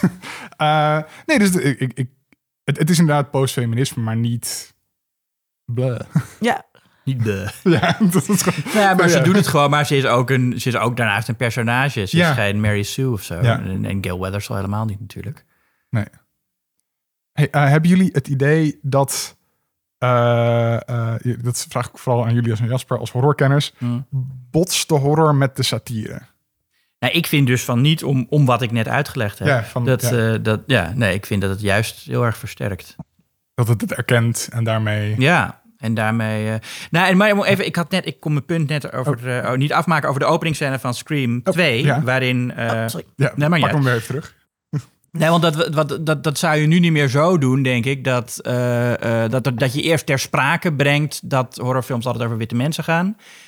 En dat dat vervolgens, dat je daar dan niks meer mee doet. Dat die twee zwarte personages ook nog doodgaan. Ja. En het andere zwarte personage in de film ook eh, neergestoken wordt. Weliswaar richting het einde, maar toch. Ja, als je dat, dankjewel. Als, als, ja, dat zou je tegenwoordig. Ja, ja, goed. Als je kijkt naar wat Jordan Peele maakt. Of zo, ja dat zou je, je nu komt niet nou meer niet doen. meer weg met zo met, met, zo zo'n knikje een soort, een soort lippendienst van eh, ja, we weten wel dat als zwarte mensen niet zo vaak in horrorfilms zitten. Nou, nu gaan deze ook dood. Ja. Het Ja. is ook wel een beetje in Scream, want je noemde nou volgens mij, refereer naar de vriendin van, de nieuwe vriendin van Sydney, toch? Ja, Ja, ja, ja. ja. In, in twee, maar dat zijn ook allemaal, ook allemaal net niet personages, hè? Al die Nee, mensen zij zijn is, allemaal eh, is ook zwart. Wat zeg je? De cameraman is ook zwart. Oh ja. Ja, die dat- vlucht. die overleeft Ja, het dat is echt de, slimste persoon van de hele, Ja. de hele film. Die gewoon zegt, ik heb net je boek gelezen. Ik weet wat er met je cameraman gebeurde. Ik ben weg. En Ja. die overleeft het ook. Wat natuurlijk ook weer zo'n erkenning van die trope is van... eh, eh, van de zwarte persoon moet eerst doodgaan. Dat deze dat dan niet doet, omdat hij gewoon de hele tijd alleen maar zit van... mm, no, no, no. Ja. Ja. Nou ja, en daar hebben we het wel eens vaker over gehad. Over het, het, de hele trope van de zwarte gaat eerst dood. En dan om, eigenlijk met weinig filmtitels komen waar dat ook echt gebeurt. Ja. Maar ze gaan wel altijd, in, de meeste slashers gaan ze inderdaad niet als eerste dood. Maar als er een zwart persoon in is, dan gaat die wel op een gegeven moment dood. Zwarte final girls zijn heel Ja. zeldzaam. Jada Pinkett Smith was er een. Ja, precies. Ja. Maar eh. Maar dat is natuurlijk ook met de regels over horrorfilm, waar de Scream-films heel erg op ingaan. Dat zijn ook regels die een beetje hun eigen leven zijn gaan leiden. ja. Los van de films nog. Dus het is nu meer nog eh, dat we bijvoorbeeld naar Halloween kijken en daar ehm, gewoon dat, dat, dat, dat lijstje naast leggen van vink, vink, vink, vink, vink. Alle regels van een horrorfilm worden afgegaan. Oké, ja, dat is Halloween toevallig, maar dat is echt niet in elke film. Nou, sterker nog, Nee, die, die, en- ik vind, volgens mij slaan die regels eigenlijk meestal in de screenfilms nergens op. Nee. Ik heb het idee dat dat- al ja. die... En, en, en de Maar, maar door de Scream-films, maar ook daarvoor al, dus zijn zijn eigen leven gaan leiden, waardoor mensen dat- het over kunnen hebben. Dat mensen denken van, ah ja, dit, zit, dit is een horrorfilm. Want Scream zei dat het in alle Ja. horrorfilms dat het- dat ja. niet zo was. Het wordt een beetje gepresenteerd als eh, dit is filmtheorie ook. En eh, ondertussen was er natuurlijk wel eh, voldoende onderzoek gedaan naar slashers om allerlei eh, artikelen en eh, een paar boeken volgens mij over de Final Girl eh, uit te laten komen. Maar eh, dit is toch meer gewoon altijd eh, fanwerk geweest. Ook als je nu kijkt naar... Filmtheorie van de koude grond. Ja, precies. En dus ook in deel 2 is er ook een klasje filmtheorie volgens mij. Ja, dat is toch precies hoe het gaat. Ja, dat vond zo absurd. Dat is echt, dat is echt, echt een van de meest cringy scènes die er is. Die- Ja, Ja, ja, ja. Zo gaat het niet aan de universiteit. Ehm, maar eh, er, was, er was wel al. ehm, eh, dus ook nu, als je zeg maar gaat kijken naar dingen over tropes en zo, dat zijn altijd eh, filmfans Ja. die dit soort dingen eh, bijhouden en het leuk vinden om eh, hier hun kennis op eh, te etaleren, zeg maar. En ook dat zat inmiddels, was dat voldoende naar de voorgrond gekomen, denk ik, in, in, de, in de he- algehele cultuur. Ja. Want het is natuurlijk een van de bekendste scènes in Scream, die wel heel vaak wordt herhaald, is die scène waarin Randy even aan iedereen gaat vertellen. Ja. Dit zijn de regels. hè. Het zijn er drie. Het zijn Ja, drie ja. regels. Dat is alles wat je nodig Iedereen hebt. weet dit. En, in, en hij vertelt het. En iemand als Stu, echt ook een filmliefhebber, die reageert daarop met: Hè, hoe, hoe zit dit dan precies? Dat Leg je denkt, oh uit. ja, leg eens uit hoe het zit. Terwijl het echt zeg maar de basis is dat zelfs niet horrorliefhebbers weten dit soort dingen. Ja. Dus het, en, en het probleem bij Scream is ook wel vaak dat er vooral aan de vervolgfilm zit dat, dat ze ook nooit kloppen met de film zelf ook. Dus ze hebben regels van een film, een vervolg heeft altijd dit of dit. Hè, volgens mij is in Scream 2 een vervolg is altijd eh, heftige moorden, eh, is, is, is explicieter. Dat is helemaal niet het geval. Mm. In Scream 2 ook. En volgens mij het in Scream 6 nog het ergste. Daar worden regels neergezet waar de film zich echt absoluut niet aan houdt. Volgens mij is de regel in Scream 6 is het volgens mij eh, niemand is veilig. En er gaan echt alleen, het gaat allemaal heel allemaal onverwacht. En die film loopt echt precies zoals je zou denken. Ja. En iedereen, iedereen in die film is helemaal safe. Maar is drie ook, hè? In drieën zeggen ze ook van het laatste deel van een trilogie. Nou, daar kan alles gebeuren. En dan gebeurt er helemaal niks. Nou ja, Nee. deel 3, de, de, er zitten geesten in. En, en Ja, maar in- die echt iemand anders stemt. Er Ja. zit echt science fiction in. en oh, er kan best veel gebeuren. Het is vooral, ze zeggen dan ook toch, je, de moordenaar is boven natuurlijk. En daar hebben wij het toen ook over gehad. Welke, welke derde film is ineens de moordenaar boven natuurlijk? Dat, Urban zijn- Legend. dat is één voorbeeld. en die was na Scream. En eh, ook, eh, eh, um, hoe heet het? Eh, Hey, I I Know What know, You Did I know Last what you Summer. did last summer. maar die, zijn die hebben dan Scream 3 gekeken. En die denken, oh, Wacht, Urban we Legend. maken Urban Legend 3, Bloody Mary. En Oh, ja. I Know What You Did Last Summer 3. Maar dit I Will wel- Always Know What You Did Last Summer. Is ook zo, ja. ja, klopt. Ja, heel raar, een heel raar concept is dat. I'll always know what you did last summer. Dus elke, elke zomer weer weet, ik wat jij de je- laatste je zomer gedaan gedaan hebt. Ja. Maar, eh, nee, maar, maar dat zijn, die hebben dan natuurlijk Scream 3 gezien. En die denken dan, oh, in deel 3 moeten we boven natuurlijke moordenaar hebben. Dus dat... eh, ja. Ja. Ehm, Julius, eh, Scream legt natuurlijk, ja, wat we net zeggen, heel vast stramien eh, vast. Waarom weet 2 dan toch dat vaste stramien voor jou te over, overstijgen? Nou, ik, ik weet dus niet of hij het echt overstijgt. Eh, ik, ik, ik, vind, nee, ik vind Scream wel de betere film van de twee. Maar ik ben wel in staat... Ah, dat is, goed, het is 3 tegen 1 nu, Tom. Dus, Nee, eh, Oh, nee. nee, nee, nee. Oh, want ik, Oh, ik, ga, ik, kan Scream wel, ik kan Scream 2 wel verdedigen tegen jullie roekeloze aanvallen. Eh, het is een film die zich heel erg bewust is van zijn status als vervolg. Maar toch ook, vind ik, een, een heel goed vervolg is. Het is bij echt een beetje wonderbaarlijk dat hij zo goed is. Zo'n snel gemaakt vervolg. In minder dan een jaar na de première van de eerste was hij al eh, in de bioscoop. Een jaar min acht dagen of zo was Ja, het volgens mij. ja. Die andere kwam op 20 december uit en, en de tweede op 12 december. Nou, dat is ook wel eens misgegaan. Ja. Zo'n haastig... eh, ik bedoel, de Blair Witch 2 was eh, heel haastig in elkaar geflanst. zie dat het misgegaan is, Scream En- 2. Nee, ik vind het helemaal niet dat het misgegaan is. Ik vind het, weet je, Wes Craven is een regisseur die altijd wel goede ideeën heeft. Alleen hij is niet. eh, ja, hij is ook geen, hij is geen carpenter als het aankomt op, op spanning opbouwen en sfeer neerzetten. Hij, hij is altijd een beetje, vind ik, technisch niet, niet de meest. Hier is een campus, er is een camera op de campus. Ja, Niet, niet, niet de meest begaafde regisseur. Maar wel iemand die altijd heel duidelijk ideeën heeft. Ook in zijn slechtere films zie je wel dat hij echt een soort... dat hij intellectuele eh, ambities heeft. Ja, maar hij leunt heel erg op Kevin Williamson hè, voor deze films. Je merkt echt dat er weinig Ja, nou ja, Craven invloeden oké. zitten. Het is vooral Kevin Williamson die al wel een idee had voor deel 2. Hmm. En dat werd dus ook meteen van, oké, dat waren de Weinsteins volgens mij. Die zeiden, Ja, oké, ga, inderdaad. ga meteen maar doen. En toen heb, zijn ze gaan filmen. En dat was het eerste script dat volgens mij wel waarschijnlijk door het internet rond is gegaan toen, Ja. Scream Ah, ja. 2. En dat eh, ze het einde hebben moeten hebben schrijven. En je, moet, je, je ziet het einde en je denkt ook, ja, het is ook gewoon volledig uit iemands reet getrokken. Toch dit einde met, het is die en het is die. Dit is zo Scooby-Doo, wie uiteindelijk de moordenaars zijn. Nee, nee, nou. Bij de eerste film heb ik daarvan, voel je echt van, oké, dit, dit werkt ergens naartoe. Mhm. Dit had, het- wat dat betreft, die eerste film speelt daar heel goed mee met de wie heeft het gedaan. Maar bij deel 2 is het toch een, en wie is het? Nou, ten eerste doet dan, eh, krijg je dan Mickey, waarvan de meeste mensen denken, wie was dit ook alweer? Oh ja, dat was die gast Mickey die... is, is, is, is de toxic Randy. Ja, maar die, Zat er, die zat het eerste half uur in de film. Daarna verdwijnt hij. En komt hij ineens weer terug, waarbij de meeste mensen waarschijnlijk denken, wie is het ook alweer? Nou, nee, Jawel. hij is het eerste, eerste uur ziet hij er nog van. Nou, het is, hij is daarna echt een, een non-personage. En het is dat hij nu gespeeld wordt door Timothy Olyphant. Dat we allemaal dan hem nog wel kennen. ja, ja. Maar als hij dan ook nog eens niet gespeeld door hem zou worden... zou je echt denken, wie, wie is het? En, en dan komt ineens een vrouw binnen. En dan, en dan is het, ja, wie is, wie, wie is dat eigenlijk? Nee, dat, nee dat, is, maar dat, die had, dat is Laurie Metcalf. Dus die was toen Ja. in Amerika wel heel bekend. Waardoor ik denk... En, ja, en dan, en dan dus zegt, ik, ik denk dat de meeste Amerikanen, toen ze haar zagen, al wel dachten: oh, die zal het gedaan hebben. Hmm. Net zoals als je in een detective-serie opeens een bekende acteur een bijrol heeft, dan weet je ook, oh, die heeft het gedaan. Ze is zo nadrukkelijk aanwezig. Ja. ja. Ja, ze komt de hele tijd net te aanwezig terug voor een personage dat niet zo belangrijk Maar is. ze heeft dan ook plastische chirurgie gehad... zodat Sydney haar niet meer kon herkennen. Want anders had Sydney al lang gezegd... Hey, Ja, loop Sydney, nu. Sydney heeft dan Sydney herkent haar in één keer. Ja, nee, in de, maar ik bedoel, zij loopt daar de hele tijd rond op dat, kamp, op dat campus. Hmm. Waar Sydney zit, zeg maar. Dus dan had Sydney al lang een keer gehad... hé, hey, daar loopt de, Ja, maar dat, dat kan mijn toch? ex-schoonmoeder. Nee, natuurlijk niet. Het is toch niet illegaal dat daar je ex-schoonmoeder loopt? Nee, het is niet illegaal, maar Onder als... een andere naam als verslaggever. Ja, nou ja.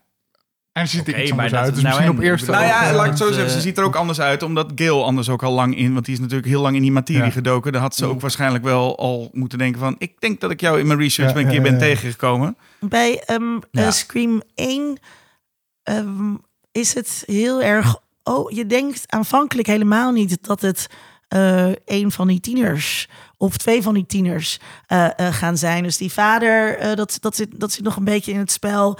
Het kan ook iets heel anders gerelateerd zijn aan, die, aan, aan haar ouders.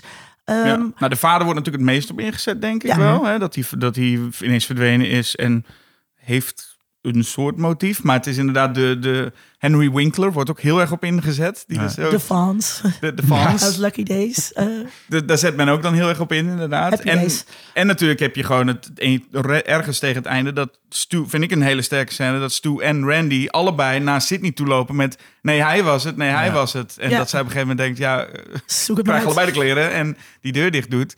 Maar op dat moment denk je als kijker nog steeds, ja, dat zou echt één van beiden kunnen Ja. zijn. Maar behalve Billy, want die is net vermoord. En ehm, eh, bij eh, twee eh, weet je, het gaat iemand zijn die al in beeld is geweest. En waarschijnlijk is iemand niet wie die zegt dat die is. Of daar zit je veel meer, word, je, word je gezet op al die, op, op die tieners. Ja, maar je denkt sowieso volgens mij bij twee niet meer aan de, de originele drie. Gok ik. Dus Dewey, Gale Nee. en, en Sydney zijn wel veilig, gok ik. Dat, dat nou denk ja, ik niet. eh, eh, Cotton zou je wel denken. Randy had door kunnen slaan. Dewey heeft Ja. een hele rare, hoe zeg je dat? Die, die eh, loopt heel raar, wat niet helemaal overeenkomt met zijn eh, eh, daadwerkelijke wonden. En hij zegt dan verlamming, maar dat kan natuurlijk ook niet zo zijn. Was de, ehm, The Usual Suspects toen al in de bioscoop geweest? Ja, ik geloof het wel. 97. Mm, Ik ja, denk dat The Usual Suspects misschien net later is. of net Nou, aan. het, is, het is vast geen verwijzing. Nee. Nee, maar ik moet wel, als we het dan hebben over de review van die moordenaars. Dit is een van de redenen waarom ik niet Scream 1 de betere film vind. En dat is Stu. En of nou, de totaal hysterische manier. Wat heb je tegen Matthew Lillard? Ja, waarom Matthew Lillard? Dat is echt een van de Helemaal leukste dingen. Van, eh, is eh, 95. Dus Oh, dat ja, is kijk, weer- ja. ja. Dat totaal hysterische Ze- Na de reveal. Ja. Dat hij dan alleen maar aan het lachen, gillen, gieren, schreeuwen, doen. Ik zit alleen maar te cringen. Het doet me bijna fysiek pijn om er naar te Ik kijken. ken, ik ken dat soort mensen van, eh, van de middelbare school. Oh, joh. Ik vind, ja, ik, ik heb elke Nee, keer als ik het, eh, elke keer als ik die film zie, heb ik meer waardering voor Matthew Lillard. Hij is Ja? zo. eh, Zeker. Ja. Oh, nee, want zeker als je nu terugkijkt en je weet dat hij het gedaan heeft, dan zie je ook hoe die in al die scènes. eh, dan zie je dat ook echt. Dat, weet je wel, ja, dat, dat- want je denkt eerst van, nou, dat is gewoon een, een irritante jongen. Maar als je hem dan, dan nog een keer kijkt met de kennis dat hij de moordenaar is, dan denk je, nee, dit, dit is inderdaad een psychopaat die mensen hun grenzen ook niet respecteert, die heel dicht bij mensen staat en mensen aanraakt. de Ja, maar dan, dan, dan moet ik hem daarvoor dus nog een keertje gaan kijken. En het is echt heel grappig om keer zo'n zo'n moordenaar... want wij kenden allemaal de moordenaars, de Michaels en de Freddy's en de Jays... en nu zien we een moordenaar die aan het huilen is. Bijna aan het huilen is, omdat hij denkt... oh, mijn ouders gaan echt kwaad worden als ze Ja, ontdekken dat, ik, ja, ja, ja. dat ik degene ben die allemaal mensen heeft vermoord. Ja. Dat is dus ook een reden waarom één beter is dan eh, twee. Eén heeft veel meer herkijkwaarde dan twee. Ik, Nou ja. heb, ik heb nu nog wel zin om één echt nog wel een keer te kijken. En twee, mm, ja, Hm. niet. Dan moet dat stuk met die twee politieagenten weer door. Dat is toch ook niet door te komen? Nou, nou, nou, nou, nou, Ja, nou, nou, dat is nou, wel. nou, Dat is. nou, Er zit nou. se- Er zit. Dit is. Maar en trouwens even wat je zegt over Matthew Lillard. Ik vind dat juist Timothy Oliphant die ineens na die. Ja, met, zo, met die dan- ogen die zo... Want dan is, dat is Ja. echt een van de grappigste dingen die ik ooit heb gezien. Is dat dus, dus, dus die ehm, Lauren, Lauren Metcalf. Laurie Metcalf. Die komt dan binnen. En dan zegt eh, Sydney een soort van fluisteren van Mrs. Loomis. En dan begint meteen Timothy Oliphant heel hard. Billy's mother. dus dat vertelt hij even ook aan ons. Maar dan is hij ook ja. meteen ineens gek geworden. Hij is ook ineens nu, is hij ook Stu Ja, ja, ja. geworden. ja. En dan wordt ja. ik vind sowieso met het.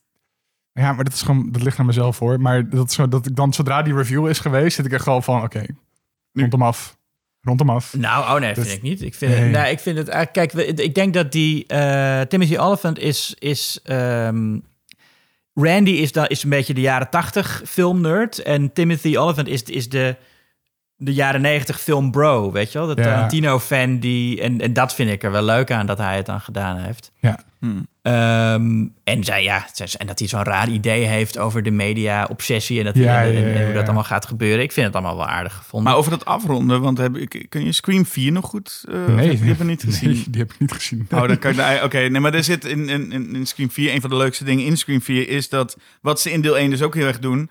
is voorbereidend werk op... oké, nu hebben we de mensen vermoord. In plaats van... eh, eh, Kijk, Stu en Billy doen het niet heel slim. Die gaan eerst zichzelf het neersteken... en dan pas Sydney. Ehm, in 4 wordt, is dat dus andersom. Is iemand die dat dus wel doet... De goede volgorde. Ja. En dan inderdaad, maar hoe diegene vervolgens de scène waarin diegene in Scream 4, ik hou dan de naam maar even achterwege, zodat het niet Ja. te veel spoiler is, zichzelf en de, of de, de boel gaat verwonden, is echt, is echt heel erg leuk. En dat is in, vind ik in Scream 1 ook heel leuk. Het feit dat ze een beetje een plannetje aan het maken zijn. En, aan het, en, en dat is, wat gebeurt daar eigenlijk in Scream 2? Ze staan daar ook überhaupt in een theater. podium, ja. Dat, vind ik het leukste. dat, ze eigenlijk, dat nee, absoluut, dat ze gewoon zonder reden allemaal naar het theater gekomen zijn. Ja. Ze hebben echt geen, totaal geen reden om daar te zijn. Al die mensen niet. Nee, er wordt, ehm, er wordt geluid aangezet en daar gaat Sydney op af. Ja, want haar vriend Ja. hangt daar. Die, die Ja, maar dat, Jerry- weet ze, Jerry, maar, eh, maar dat weet ze niet. Nee, dat weet ze niet. Maar de, de, de- die hangt daar en dat, er wordt dus muziek... Want de moordenaar lokt haar daar waarschijnlijk Ja, ja, wel ja, naartoe. Maar ja, je ja. ziet heel duidelijk dan dat geluidssysteem aangaan. Ja. Ja. dat is van die oude hi-fi. Maar Oh, daarom dat gaat ze naar binnen, ziet. Dan, ik, even, ik, Nou ja. ik ga niet films herschrijven per se. Maar luister, je hebt een, eh, eh, van een stom subplot... dat, dat Sydney ineens actrice wil worden. Ik weet ook echt niet waarom. en dat zij in een wil- toneelstuk gaat spelen met, Met allemaal maskers. Met maskers Ja, erin. ja. Ja, Die die heel toevallig net een beetje op het screenmasker lijken. precies. En nee, maar ze, in ze ieder geval... speelt, ze speelt Cassandra, wiens voorspellingen nooit geloofd worden. Dat is heel symbolisch voor heel haar rol in de symbolisch. film. Dacht, ja, je ziet Sydney in de eerste film en je denkt... ja, dat, wordt, dat moet wel een actrice worden. De Dat hele- is echt iemand die all eyes on me wil, die een ster wil worden. Helemaal. Zij wil juist echt buiten uit de publiciteit blijven, niks ermee te maken hebben. En dan, ik ga maar eens actrice worden. Ik ga maar eens op het toneel staan. Ja, dat Nee, kan, dat kan, is- een, dat kan, kan een, toch een, gewoon- een uitlaatklep zijn voor Ja, moeilijke precies. Ook emoties die je dat je hebt. publiciteit hebt omdat je in het universiteitstheater een Maar dan komen we bij, oké, maar dat is al een beetje een on, Ja, maar onzinnig... het zijn major. Ja, Ja, ja, zij, oké. dat zij- maar- Theater. en dat is al een beetje een onzinnig subplot. Maar dan heb je dus dat die hele eindscène vindt dan plaats in dat theater. Maar Mhm. het- waar had die film moeten eindigen? Die film had moeten eindigen in de bioscoop. Tijdens het einde van Stab 1. Daar moet je toch die film eindigen. Je gaat toch niet... Ja. De film opent in met stab 1. Je moet in de bioscoop eindigen. Maar wat doen ze? Ja, we doen een soort theater, maar dan gewoon een schooltheater. Maar dan op een toneel, voor dat toneelstuk van Sydney. Denk je, dit is... Waar slaat dit op? Nou ja, het, het, het is theater. Dat is wat het is. Oh, het is theater. Ik vind het heel gepast. Het is een soort opera, die film. Dit is- Oké. Ik vond wel de, eh, de scène waarin ehm, met, de, met de glazen wand die geluidsdicht is. eh, en Oh, ja. hoe Gil dan ziet dat hoe Dewey wordt neergestoken. Dat, dat vond ik wel eh, een hele mooie, Ja. goed gedane scène. Ja. Ik heb dat sowieso, en dat is waarom ik twee voornamelijk beter vind, is dat ik die achtervolgingsscènes in twee vind ik echt zenuwslopend. Vergeleken met één. Eén heb ik dan toch een beetje van, behalve die openingsscène, die omgeëvenaard is in de franchise, dat hebben we al vastgesteld. Ehm, maar dat er toch consistenter is over tweeën heen. Dus vooral eh, die in dat geluidshok inderdaad, dat is heel spannend. eh, eh, ehm, bijna een soort van Jur- Jurassic Park-achtig. Met door, doorheen en dan die schotjes en dingen. En dan die autoscène. Dat ze dan letterlijk over Ghostface heen moeten klimmen. Heel ja. langzaam. Heel, dat was ik echt op een puntje van mijn stoel. Ik vond dat ik- echt veel spannender dan wat dan wel- ook in, in één. Ik snap wel dat die scène, want dit meet ik ook, die scène was wel spannend. Alleen ik vind het zo jammer dat die scène er totaal niet in hoort. Die politieagenten horen er ook helemaal niet in. Het alles speelt zich af in dat... Ik vond die politieagenten heel grappig. Als ze elke keer dan zo achter een frame hoveren. Dat ze dan weer in beeld komen, vond ik hilarisch. Ja, maar het was wel fijn geweest dat die spannende momenten gewoon iets meer erin pasten. Want het is, het, ik bedoel, dat, dat idee van, ja, net al over, over Buffy, Sarah Michelle Gellar die er ook in zit. Het is allemaal zo met de haren erbij gesleept van, hier hebben we nog iemand en dood. En we gaan weer door. Het, het is niet, het is jammer gewoon dat ook de goed gemaakte scènes niet meer een geheel zijn, zoals in Scream 1 wel. Waarin het ook allemaal losse goede set pieces zijn. Maar ze voelen wel alsof ze ook allemaal in elkaar passen. En bij Scream 2 is het meer, we hebben nog een idee, zullen we daar iets mee doen? En dat is, vind ik wel aan die politie... Maar ik ben er wel mee eens dat het wel een spannende scène is. Mm. En die geluids, eh, geluidsdingen ook. Wat ik vooral gewoon leuk vind, ik vind de running gag gewoon leuk. Dat Dewey altijd, hoe vaak je hem ook neersteekt, die man... Die komt Niet altijd, neer te halen. komt altijd weer terug. Omdat hij gewoon, dan zegt hij in de derde film... Oh, ik, ben, eh, ik ben er weer, was, was, maar een, was maar een snijwondje. Maar uiteindelijk gaat hij in vijf dood, toch? Die heb ik niet gezien, maar ik heb zes wel gezien. Maar Ja, nee, Ja, eh, eh, klopt. Dat, dat vind ik jammer dat ze dat, dat, ze dat doorbroken hebben. Herkennen jullie, halen jullie, dat vraag ik aan, eh, aan, aan, aan jullie twee, eh, halen jullie alle Easter eggs eruit? Dus alle verwijzingen naar, Je weet nooit of je ze allemaal hebt natuurlijk. ja, Maar ik zag wel een- Freddy Krueger, Ja, de janitor. Ja. oh ja. Oh ja, gespeeld door Wes Craven zelf. nou echt. Ja, ja. klopt. Ehm, eh, maar eh, ik zat zo te kijken en ik dacht, volgens mij zijn dit spiegels van bekende slasherfilms, bepaalde scènes. Maar eh, Ja, nou, ik, weet, er zit volgens mij niet zo heel direct veel dingen in dat hij echt shots nadoet of zo. Maar ja, de namen van personages, dat zijn allemaal wel makkelijk. eh, Ik wil zeggen, ik heb het idee dat alle verwijzingen vrij expliciet zijn of zo. Ja. Dat inderdaad die, die, dat ze er best wel dik bovenop liggen. Mm. En dat ze dan ook nog even de naam van de film noemen als het een beetje kan in character. Ja, dat idee. Maar we zaten ook in, ik denk dat het nu zou het veel meer easter egg zijn. Ik denk toen was het ook meer van, oh, een personage hè, in de openingsscène heeft het gewoon over Halloween. En dat iedereen het heel grappig vond dat zo'n personage zoals Drew Barrymore dus zegt van... Ja, alleen de eerste Nightmare was leuk, de rest is kloten. En dat iedereen dan voelt van, ah, dat is, dat is dus... Nou ja, in principe is het een tekst van Kevin Williamson, maar dat Wes Craven dat dan nog weer maakt... Ja. En ik denk een van de. Ik vraag me af of het bewust is, Easter egg ding, dat Jamie Kennedy, de acteur die Randy speelt, zegt: Kijk uit, Jamie, tegen de, de eh, televisie als hij Halloween Ah, kijkt. ja. Terwijl er achter hem ook iemand komt en hij dus ook echt Jamie heet. Ah. Dat daar nog. Dat Maar daar nog een laag in je zit. twijfelt echt Ja. bijna alsof ze Jamie Kennedy voor die reden hebben gecast. Gewoon het idee Gewoon dat je scène hebt Jamie waar hij zegt: Jamie, kijk uit achter je. Refereert het naar Jamie Lee Curtis, terwijl hij zelf dan. Jamie Kennedy heet. Ja. Maar goed, dat zij dat. dat Wat ik ook nog wel een leuke, min of meer subtiele vind, is in, eh, in eh, deel 2 dat hij dat die zegt dat David Schwimmer eh, Dewey speelt in, eh, in Stab. ja. Dus er ook ook een, nog een acteur die. er zit ook nog een andere grap in over Jennifer Aniston. Ja, dat, waarbij dan gezegd wordt, eh, het, volgens mij zegt eh Courtney Cox dat van... ze heeft dus een sekstape over haar ge, Ja, ge- ja. maar ze zegt, ja, maar het is alleen mijn hoofd is erop geplakt. Het is Jennifer Oh, ja. Aniston's lichaam. Oh ja. Ja. Ja, Ja. dat weet ik nog wel. Dat is ook een grap, inderdaad. En, Ah. dat, en dat is dus wel echt eh, ook heel 90s, dat media over media. mm. Ja. En, oh ja, wat ik ook nog... eh was een hele losse random opmerking. Ehm, gooi daarheen. ik, eh, eh, toen we de aflevering maakten... De eerste Halloween special, denk ik, die we maakten over horror. Mhm. Ehm, toen begreep ik niet zo goed waarom eh, bijvoorbeeld in Halloween... eh, dat is Jason... Is Michael Ma- Ma-. Michael eh, haar de hele tijd zo bang wil maken. De hele tijd zichtbaar wil zijn en gewoon wil staren, zeg maar. En dat, dat begreep ik toen niet zo goed. Terwijl hier in zowel één, ja, in één wel meer dan in twee, begrijp ik het heel erg vanuit dat motief Mhm. dat ze eh, de spanning op willen bouwen en de mensen ja. bang willen maken. Iedereen moet, ja, dat is. Maar hier Michael, goed Michael uitge- wil dat toch niet? Die, Michael wil geen mensen bang maken. Maar staat dan, waarom zou die anders zeg maar bij een heg staan? Hij is niet efficiënt. Hij is, je hoeft niet bij een waslijn te gaan staan en naar iemands slaapkamer te kijken. Je kunt ook gewoon naar binnen lopen en een mes in iemand steken. Ja. Ja, maar waar, wat, Hij wil- wat- hij ja, wil maar gezien hij wil, Hij worden. wil niet altijd. eh, dat soort, jij, jij wilt toch ook wel eens iets anders doen dan... eh, Je wil ook gewoon zomaar in iemands tuin ja, je- staan je en naar binnen nee, maar kijken. goed, hij, weet, weet, weet hij veel. Hij staat gewoon te kijken naar mensen. Ja, dus dat hij ineens verdwenen is, is niet om haar een naar het gevoel te geven, Nee, maar gewoon hij was, klaar, hij was er klaar mee. Hij is weer weggelopen. Hij wil het gewoon, hij wil het gewoon anders even gaan zien. doen. Hij kijkt gewoon even, oh die, nou die, oké. En dan gaat hij weer verder, ja. Hm, Ja. Zodra zij hem angstig gezien heeft, gaat hij dan weer verder. ja. Maar goed, deze personages inderdaad hebben wel duidelijk een, een doel. Althans, dus Mm. in de eerste film heb je dus wel het gevoel... Oké, Stu, die, heeft, die wil volgens mij gewoon ook... Men, hij heeft, hij moet ook zijn wel- ex eh, ja, vriendin- Rose McGowan is zijn ex. Dat is, wie Oh, zie je ja. ook, dat is ook wel Nee, zijn, zijn... eh, Drew Barrymore is zijn ex. Oh nee, Drew Barry. Nee, ja, precies. Nee. Rose McGowan is zijn En dan, en dan die, Ja. nieuwe vriend Ja. Steve. Hè, laten we Steve niet vergeten. Steve. Die vastgebonden zit. Ja, ja. Die, die, die, moet, die wordt dan ook vermoord. Dus, eh, en, en Billy heeft natuurlijk dat hele spel met Sydney. Ja. Maar ik snap wel dat ze heel erg ook een beetje plagerig willen doen. En, maar dan heb je de tweede film. En dan moet je dus wel geloven dat deze moeder van Billy Loomis... zoiets heeft van... ik ga nu met een volkomen vreemde Timothy Olyphant...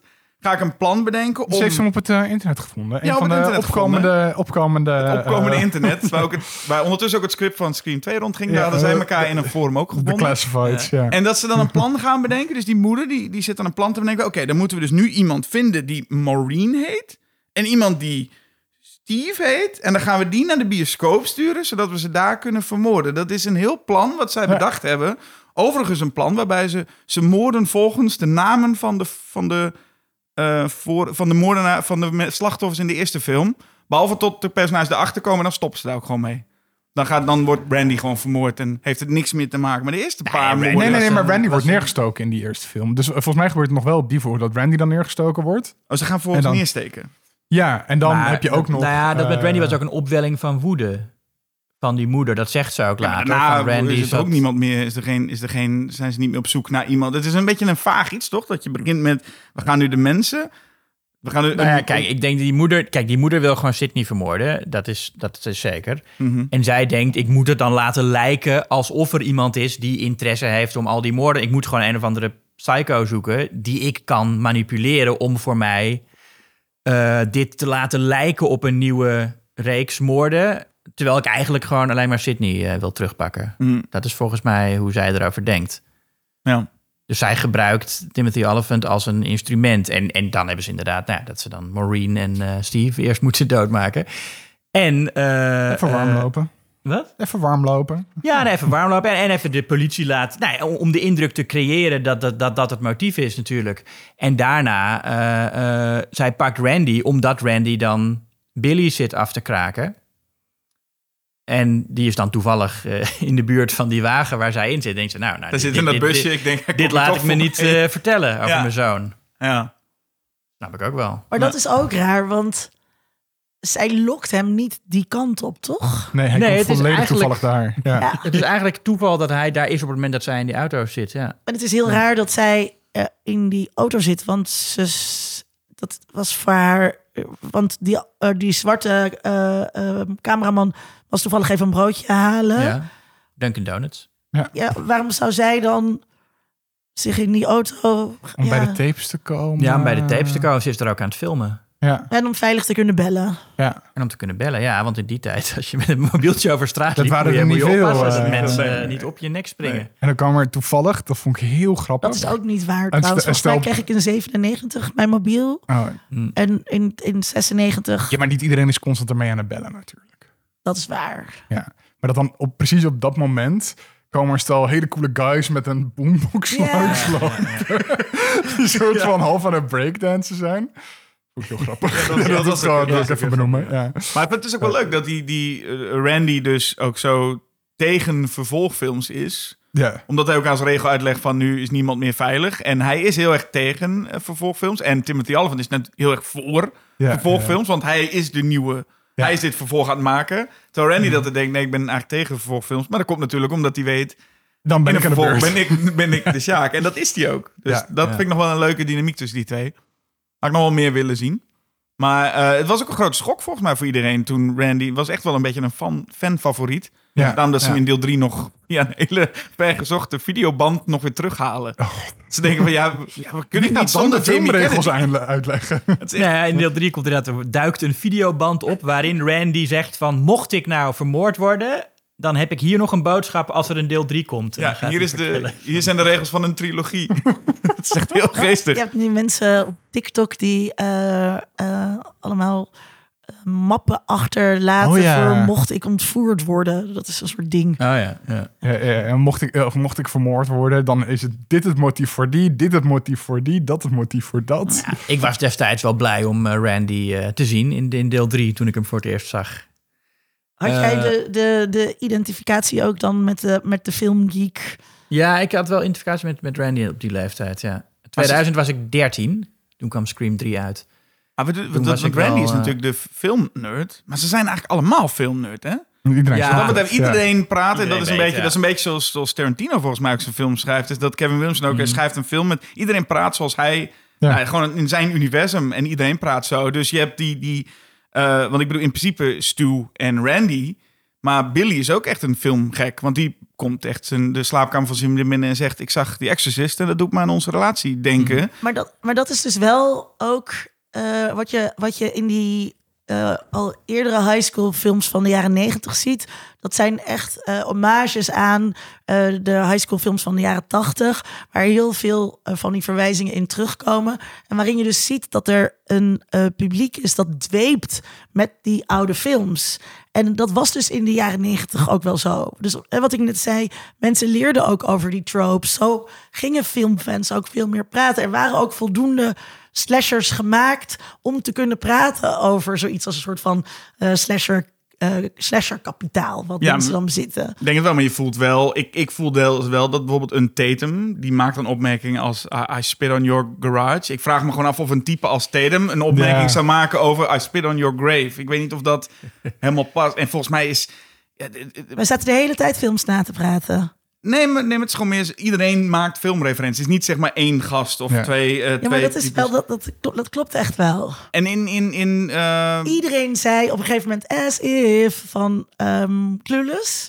Ja, maar dat, maar dat, dat, zijn maar van een, wel een soort film. Heel specifieke... I Spit on Your Grave is wel een specifieke referentie. Dus is best wel obscure... Het zijn wel, het is nou, echt niet een obscure maar wel- genrefilm. ja. Waar je, wat, ja, waar, waar je volgens mij dat, dat zou. Maar iedereen heeft die kennis, zeg maar. Maar dat is natuurlijk ook omdat het een vriendengroep is. Dus dan deel je dat culturele kapitaal met elkaar. En... Je kijkt samen die films. Je herkijkt de hele tijd met je, Ja. met je buurmeisjes.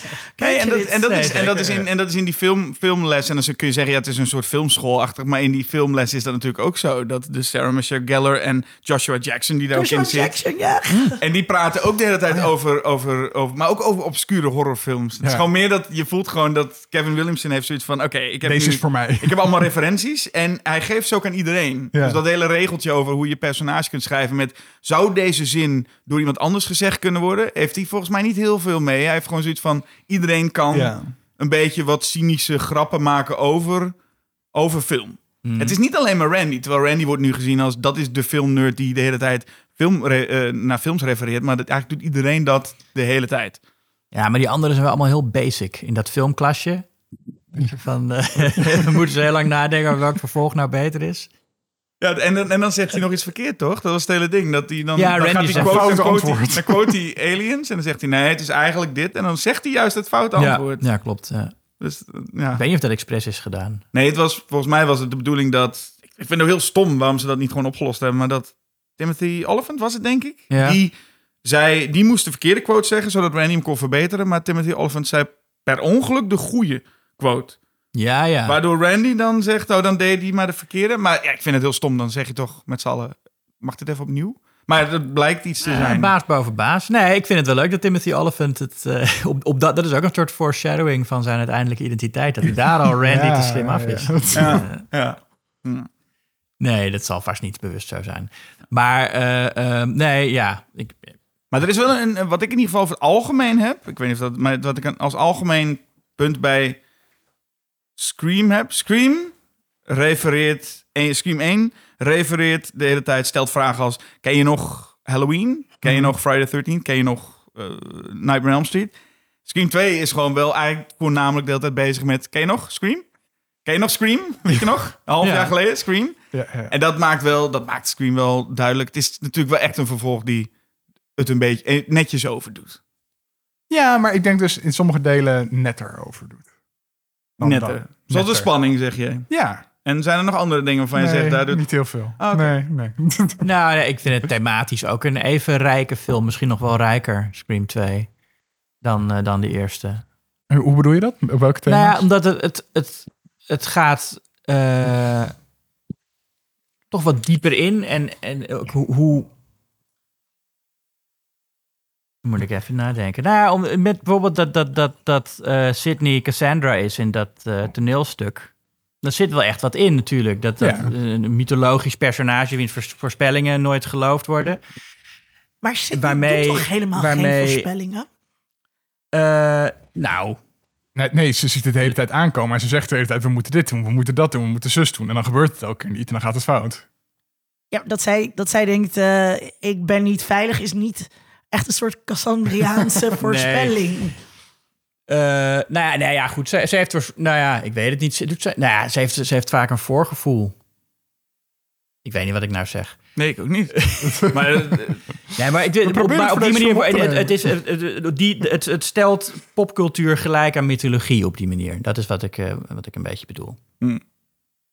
Wat weer heel postmodern is. Ja. En wat ook nu natuurlijk met Marvel een soort van gemeengoed is Mm. geworden. Tenminste, volgens mij was dat wat zeven, acht jaar terug. Dat je heel vaak een thinkpiece had van superhelden zijn de moderne mythologie.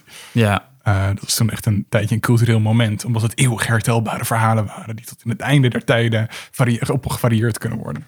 Nou ja, dat is natuurlijk ook met, met slashers zo. Dat is zeker met slashers zo. Ja. En blijkt ook met Scream zo. Wat? Het blijkt ook met Oh Scream ja, zo. ja, zo- ja. want, de, want Scream 6 is ook weer een soort Scream 2. Ja. Ze gaan weer naar de stad en het is ook weer een finale in een theater. En het zijn eh, ook weer allemaal niet ingeloste beloftes over dat het allemaal eh grotesker wordt. Ja. ja. En eh, zij is, eh, ik heb alleen maar het begin nog gekeken van eh, eh, zes. Zij is universitair hoofddocent eh, ja. film en eh, geeft een vak over slashers. ja.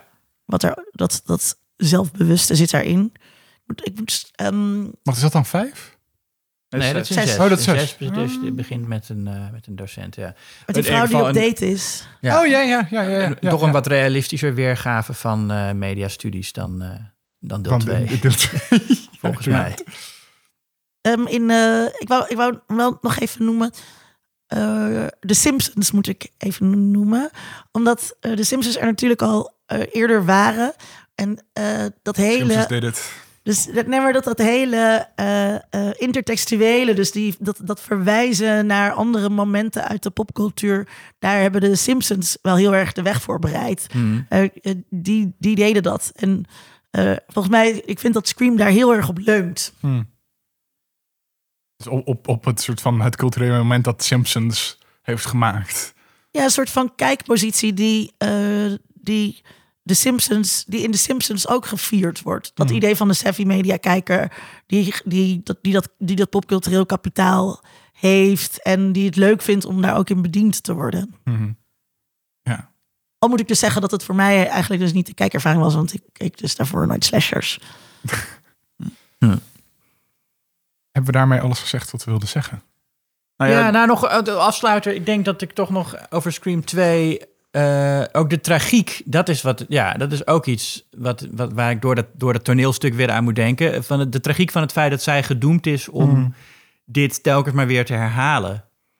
Ehm, die film benadrukt dat heel erg. En, en, en ja, toen ze Scream 2 aan het maken waren, wisten ze ook wel dat er waarschijnlijk nog een derde deel zou komen. Ja, ja, ja.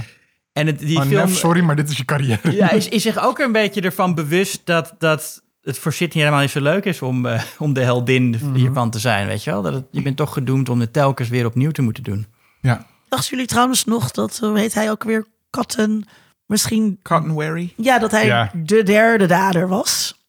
Ik weet niet of ik dat de eerste keer dacht. Dat ik Nee, maar ik, nee, want hoe, hij zat ook in die... In die eerste film denk ik dat niemand hem meer kon herinneren. Want hij zit echt twee seconden in die eerste film, geloof ik. Dus ja, maar toen zat ik alleen maar, hey, dat is Lief Schreider. En toen was hij weer weg. Ja, toen was hij weer weg. Heel, heel, heel bizarre cameo was het eigenlijk in de eerste film. En in, de, in die tweede film wordt hij wel... Ik vind het ook een beetje- was, was een beetje zo'n gek moment. En volgens mij is het altijd, in die vorige scripts was het ook... Want de moordenaars in de tweede, tweede film zijn volgens mij altijd gewisseld. Omdat ze eerst hadden ze een film waarbij... Volgens mij haar vriendje wel ook echt de moordenaar was. En nog iemand, haar beste vriendin. Mogelijk was dat het script wat er rondging. Maar dat er altijd een moment was dat Cotton gewoon haar onder vuur... Zo, dat, die, dat het... hey, het is nu veilig. En dat Cotton dan zegt... Ik wil bekend worden. En dan Sydney toch red. Ja. Ja. dit, nee, het is een... Het is, ik, ergens had ik daar wel meer van willen zien. Van hoe hij daar toch... eh, nou ja, het is jammer dat hij eigenlijk in de derde film... vrij snel afgemaakt wordt. Want volgens mij is dat er best wel een leuk, interessant verhaal achter. Ik vond het helemaal een leuk personage, inderdaad. Er had veel uitgehaald kunnen worden. Ja, meer dan nu eh, gedaan is. Het was leuk geweest als ze samen te zien waren geweest bij eh, die- Diane Saw- Sawyer. Ja, Dat zou zo leuk als daar de aftiteling over ja. zijn. Ja, En ik vond het, misschien een te jokey. en leuk dat hij in de derde film heeft hij zijn eigen talkshow 100% Cotton. Ik heb gewoon echt het gevoel dat, hij, dat, ze, dat ze gewoon vanaf film 1 al wisten, dat gaan we dit, Dit doen. gaan we doen. Dus noem hem, waarom noem je anders je personage Cotton? Daarover gesproken trouwens, over Cotton. Ieder- Iedereen droeg nog beige kleding, hè? Dat is hip. Zegt, Huh? Elk personage heeft echt beige kleding aan in deze film. Oh. Niet opvallen? Nee. het Nee. viel me wel De op. mode is echt... eh, Het was wel heel peak 90s inderdaad. het was echt... Ja, piek nee, dat, 90s, ja, ja. ja, ja. Ik weet dat het haar van, eh van Nev Campbell, de eerste keer dat ik hem zag, eh Met die hele hoge opviel. pony.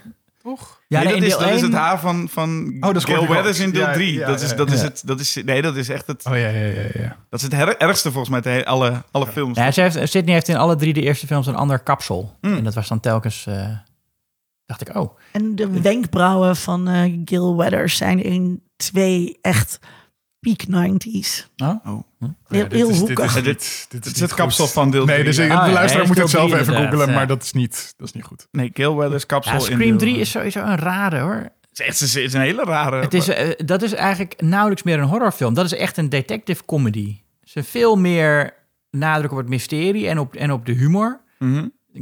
Jay en Silent Bob zitten erin. Serieus? ja, Ja. Gewoon een cameo van Jay en Silent Bob. Dat zit in datzelfde universum als het hele Ja, Clerks-universum. blijk- blijkbaar wel. Eh, En dus, ja, en, en dus is, is- Carrie Fisher zit erin als, een, als iemand die op Carrie Fisher lijkt. Ja, klopt. En dus een stukje eh, eh, sci-fi, waarbij je gewoon een stem vormen hebt, maar je kunt gewoon elke stem die je maar wil. Ja. Dus iemand kan gewoon de stem van een overleden persoon en dan heb je gewoon precies je met die stem bellen. Deepfake uh, aan van lettre. Het, echt, Ja. maar, echt, maar echt zo goed. En, en maar wel maar één moordenaar, dus dat is wel knap, hè? Ja, daar ondermijnt het zichzelf weer. Ja, dat is echt. eh er was maar één iemand en die, die dat is echt ook onder de, onder de noemer.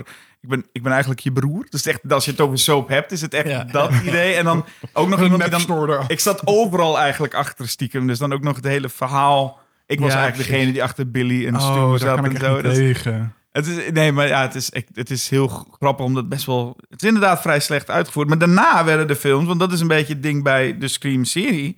Deel 4 was eigenlijk te vroeg, toch?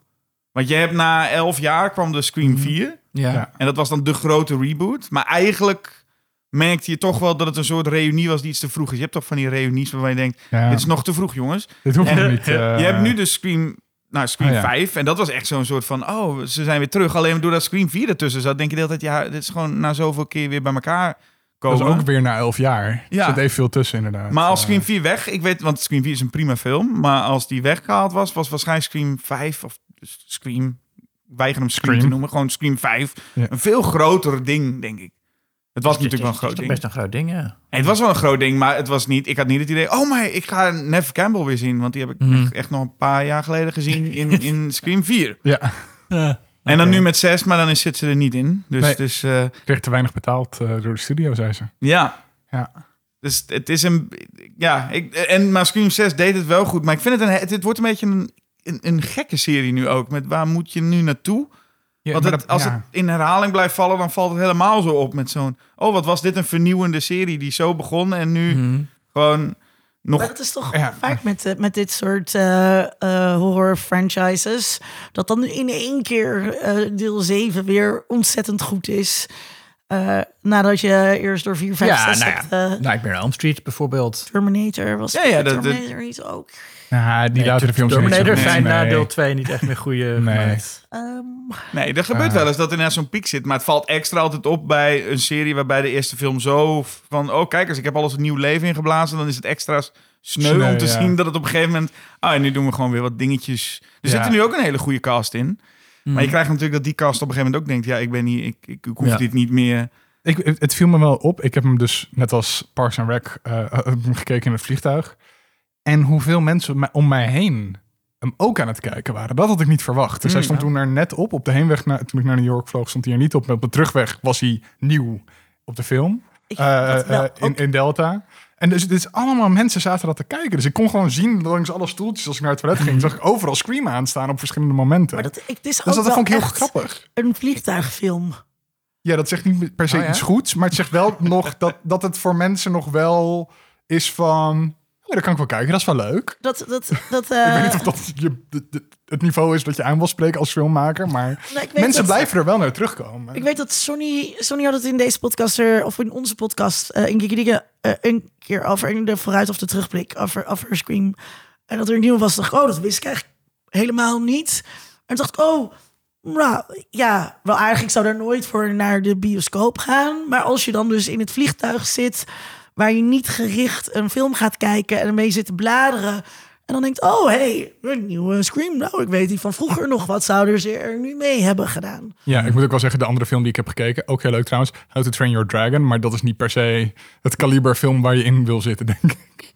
En is oud. Ja. Is dat ook een remake? Nee. Maar je wilt toch eigenlijk dat er een Scream-film weer opstaat dan, als je zo'n serie wil zijn, die Ja. dan ook iets heel unieks doet. Dus bijvoorbeeld dat er iets unieks... Ik, zou zelf pleiten dat je voor een Scream 7... Ik verwacht dat ze naar een... Nou, ik verwacht niet. Ik denk niet namelijk dat ze het gaan doen. Maar dat je naar een New Nightmare-achtige situatie gaat. Hmm. Dus de New Nightmare is de... eh, we maken een nieuwe Nightmare on Elm Street, maar dan in de echte wereld. Oftewel, alle acteurs van de oude film zijn bezig met een nieuwe film en worden daar dus vermoord. Dus ik kan me best Ah. voorstellen dat er een soort van Meta, meta. meta, meta, meta. Want dat is wel een beetje wat ze nu moeten doen, volgens mij. Om het nog een beetje fris te houden. Is dat ze echt, nou, dat zie je een beetje met die stabfilms. Daar zijn Ja. ze, dat hebben ze volgens mij heel veel lol in om die stabfilms. Dan is er de stab 7 of 8 trailer met van Ryan Johnson of Ja. zoiets. Ja, En ja. nu was, ik heb echt het idee dat ze, heel, dat ze dat heel leuk vinden. En ik heb het idee dat Laat Ryan Johnson Scream 7 regisseren, you er- cowards. Ja, Zit er eigenlijk eh, in die meest recente... eh, eh, wordt daar bijvoorbeeld ook een generatieverschil aangehaald? Want ik zat naar 1 en 2 te kijken en ik dacht... oh mijn god, alles is zo onveilig. Die hele jeugdcultuur van toen... ehm, dat kan nu gewoon helemaal niet Wat, wat meer. dan? Wa- Wat dan? eh, alles, de manier waarop ze met elkaar eh, omgaan, eh, hoe ze dus inderdaad massaal eh, als, de, als de, de directeur van de school aan een paal gehezen wordt, daar allemaal naartoe rennen, überhaupt dat ze Nee, allemaal op dat, dat, dat is feestje wel zijn. dat zeker ze in aan het- 6 is dat wat meer up-to-date allemaal. Nou, hoe die docent ook zelf doet met zijn enorme schaar. Dat hij die leerling aan het, aan het bedreigen is. En echt met die schaar naar ze aan het wijzen is. Dat is ook wel... Maar dat ze allemaal op een feest zijn en aan het drinken zijn, gebeurt dat niet meer? Nee, Nee, dat- nee, dat, dat, dat zit letterlijk in 6, maar dan is er wel nog een lesje in consent dat er doorheen geweven wordt. Ja. En Van, eh, hey, eh, ga daar niet met Jenna Ortega van door, dat is mijn zusje. Ja, Eh. ja. Maar is dat nu niet meer dat kinderen of dat tieners naar feestjes gaan en drinken? Eh, nou, ja, ja, ik hoorde laatst van een Amerikaanse collega die hier, die hier op uitwisseling was, dat eh, ou- ouders nu de, e- de e-mail inlog hebben van studenten aan de universiteit daar. En de eerste paar weken in een hotel gaan. Bij de eerste, als de eerstejaars eh afgedropt worden op, eh, op eh. campus. En eh, eh, dus de, zij noemden het de sneeuwploegouders, die dus helemaal de weg Ja. eh, eh, eh, schoonvegen voor deze kinderen. En eh, alles gaat, oh, dat is ook eh, eh, een woord wat mijn studenten de hele tijd, als er, als er, ik had dus laatst iemand naar de examencommissie gestuurd en toen kreeg ik een klaagmail dat dat voor haar onveilig was. Dus alles is nu onveilig, ja. Dat, en en deze, deze pubers in, eh, in Scream 1, ja, die, die moeten overal maar gewoon mee dealen. ja. ja, dat is wel waar. Ja, nee, die ouders die zijn er niet. Dat is ook iets wat altijd in slashers natuurlijk zo is. Ja. De ouders spelen nauwelijks een rol. Je bent vooral met jezelf en je... En je En dat kan, dat kan dus nu niet meer, want je ouders trekken gewoon, die hebben gewoon Ja. eh, Find My iPhone op je aanstaan en die houden gewoon bij waar je bent. Maar dat is misschien nog wel enger dan alles wat er in Scream gebeurt. Dan moeten de ouders dus de moordenaar zijn. Ja, Ja, sowieso, als je in zo'n als je in zo'n Amerikaanse suburb woont, kun je ook niet echt weg zonder dat je ouders ervan weten. Ik vind je kan niet even met de bus ergens naartoe. maar iedereen kan wel altijd bij elkaar naar binnen klimmen. ja, ja nee, dat is wat je doet. Ja. Ehm, nee, maar goed, de nieuwe, de laatste Scream, die is in, in daar zijn ze in New York en dan, dan gaan ze allemaal studeren. Dus dat is ook. eh, dan, dan spelen die ouders natuurlijk sowieso geen rol. Wel dus. Ja, nee, nee, maar, maar dus met deze ook. Dat, het zijn allemaal Maar ja. laterjaars en de ouders zijn dood. Ah. Dus... Dan, ja, dan speelt, dan speelt het niet zo'n rol. Slim. Ja, dan heb je er dus geen last van. We daar een punt zetten? Moeten we niet weten of mensen van mening zijn Oh veranderd? ja, zijn mensen van mening veranderd? Ik, ik, ik denk aan... aan nou jullie argumenten hebben wel heel erg dat ik niet volledig te- Ja, ik denk dat we 2 even in overleg moeten of we toch... eh, nee. Nee, ik denk, kijk, ik vind Scream ook de betere film, maar ik denk wel, eh, eh, ik vind Scream 2 de op één na beste. En ik vind dat, eh, eh, ik, ik hoop dat mijn verdediging eh, toch mensen heeft aangespoord om die film nog een kans te geven. Zo. Ja, ik, ik hoop voor mij hetzelfde. Ik vind gewoon... Ik, ik vind uiteindelijk vond ik het lekkerder kijken naar Scream 2 dan naar Scream 1. Waarom? Nou, dat, dat heb ik dus net gezegd, van dat er meer, wat meer spanning in zit. Bij Scream 1 vind- haakte ik toch net iets meer af. Ehm, ja, nee, dus dat is puur op soort van gevoel. Daar heb ik niet. Ik snap dat Scream 1 de betere film is. Maar zo zit ik er dan ook naar te kijken van, ja, dit is de betere film. Ja, oh, dat is goed gedaan. Ja, dat is slim. eh, ja, ja. En toch zit ik bij Scream 2 dan toch meer op een puntje van mijn stoel. Word ik toch meer meegenomen in Nou, de is- horror dan- dan is Scream ervan. 2 toch de betere film? Ik moet wel zeggen, om jullie ook een beetje een puntje te geven... Ah, dat is wel eh, sympathiek. Eh, dat ik eh, eh, meer eh, jumpscares had. in, Ja, ja, ik heb het laatste stukje met jou meegekeken net en jij zat echt te springen op de bank. Ja. 2. Wat leuk is. ja. Ja. ja. Ja, dus misschien is Scream 1 wat eh, tussen hele grote aanhalingstekens wat intellectueler. Want het is het natuurlijk Nee. helemaal niet. Eh, en, en Scream 2 eh, op punten goed gemaakt. En op andere punten is het gewoon een, sequel wat prettig is. Hm. Alright. Nou, ik vind Scream 2 juist eigenlijk de intellectuelere film. Door Cassandra. Door Cassandra. Ja. Door de zinloze Cassandra. Het is niet zinloos. Is helemaal niet zinloos. Ook wat daar, wel ook heel grappig. Ehm, eh, eh, Billy's mom raakt dan bedolven onder eh, de, de, de brokken Ja. die naar beneden komen zetten. En die zijn natuurlijk heel licht. ja, dat is gewoon schuimrubber. Ja, dat is gewoon schuimrubber. Dat ze die zelf ook best kunnen bedenken. Ja. Nee, maar goed, maar dat is juist het fijne. Het, het, het, het, je het het laatste zijn, woord hebben? het zijn maar juist, het zijn decorstukken, want het is theater. Dat, het, het, het herkent dat het nep is. Eens. Nee, juist niet. Nee, nee, nee, nee. Stop. Nee, want ik is hier, hyper- ik, hier komt nu een bumper. Ik Ah. edit dit eruit. Hyperrealiteit. In a world. In a world. World. World. World. In a world. Ja, en voor we eruit gaan, nog eventjes een laatste vooruitblik. Met waar we zin in hebben de komende tijd. En eh, Jasper, mag ik bij jou beginnen? Waar kijk jij Ja, naar ik, uit? ik kon niet heel veel vinden eigenlijk. Oh nee. Nee, dat is Barre ook wat, hè? Maar, ehm, eh, nou, ik, ik, ik, ik denk dan toch... Ik ging gewoon even naar de films die binnenkort uitkomen kijken. En ik denk dan toch dat ik ga zeggen... Insidious 5 Oké, oké. Ja. Maar dat is meer omdat ik wel een soort... Ik, ik heb wel een soort voorliefde voor langlopende... Vaak met name horror, maar met langlopende filmreeksen die moeite doen. Ook al zit eigenlijk bijna niemand meer op te wachten, maar toch moeite doen om die hele lore eh, wel in stand te houden. Een van de leukste voorbeelden die ik ken is een of de zeven, ik weet niet eens uit mijn hoofd, maar de zevende Howling film. En die, en die zijn allemaal losstaande slok, is het? Allemaal losstaande films. En dan is er één film waarbij, de, waarbij iemand echt heel veel moeite doet om al die verhalen met elkaar te verbinden, alsof het allemaal wel Dit bij hadden we elkaar allemaal van hoort. tevoren bedacht. En Ja, precies. En dat, ik, vind dat, ik vind dat heel aandoenlijk of zo. En ik heb nu, dit is een, de vijfde Insidious film. Ik heb niet het gevoel dat heel veel mensen echt voelen van... oh, Insidious, dat leeft volgens mij niet zo als een Scream. Maar waarbij nu Patrick Wilson, eh, een acteur die ik volgens, die best graag zie... maar die Ja. nu ook de film gaat regisseren...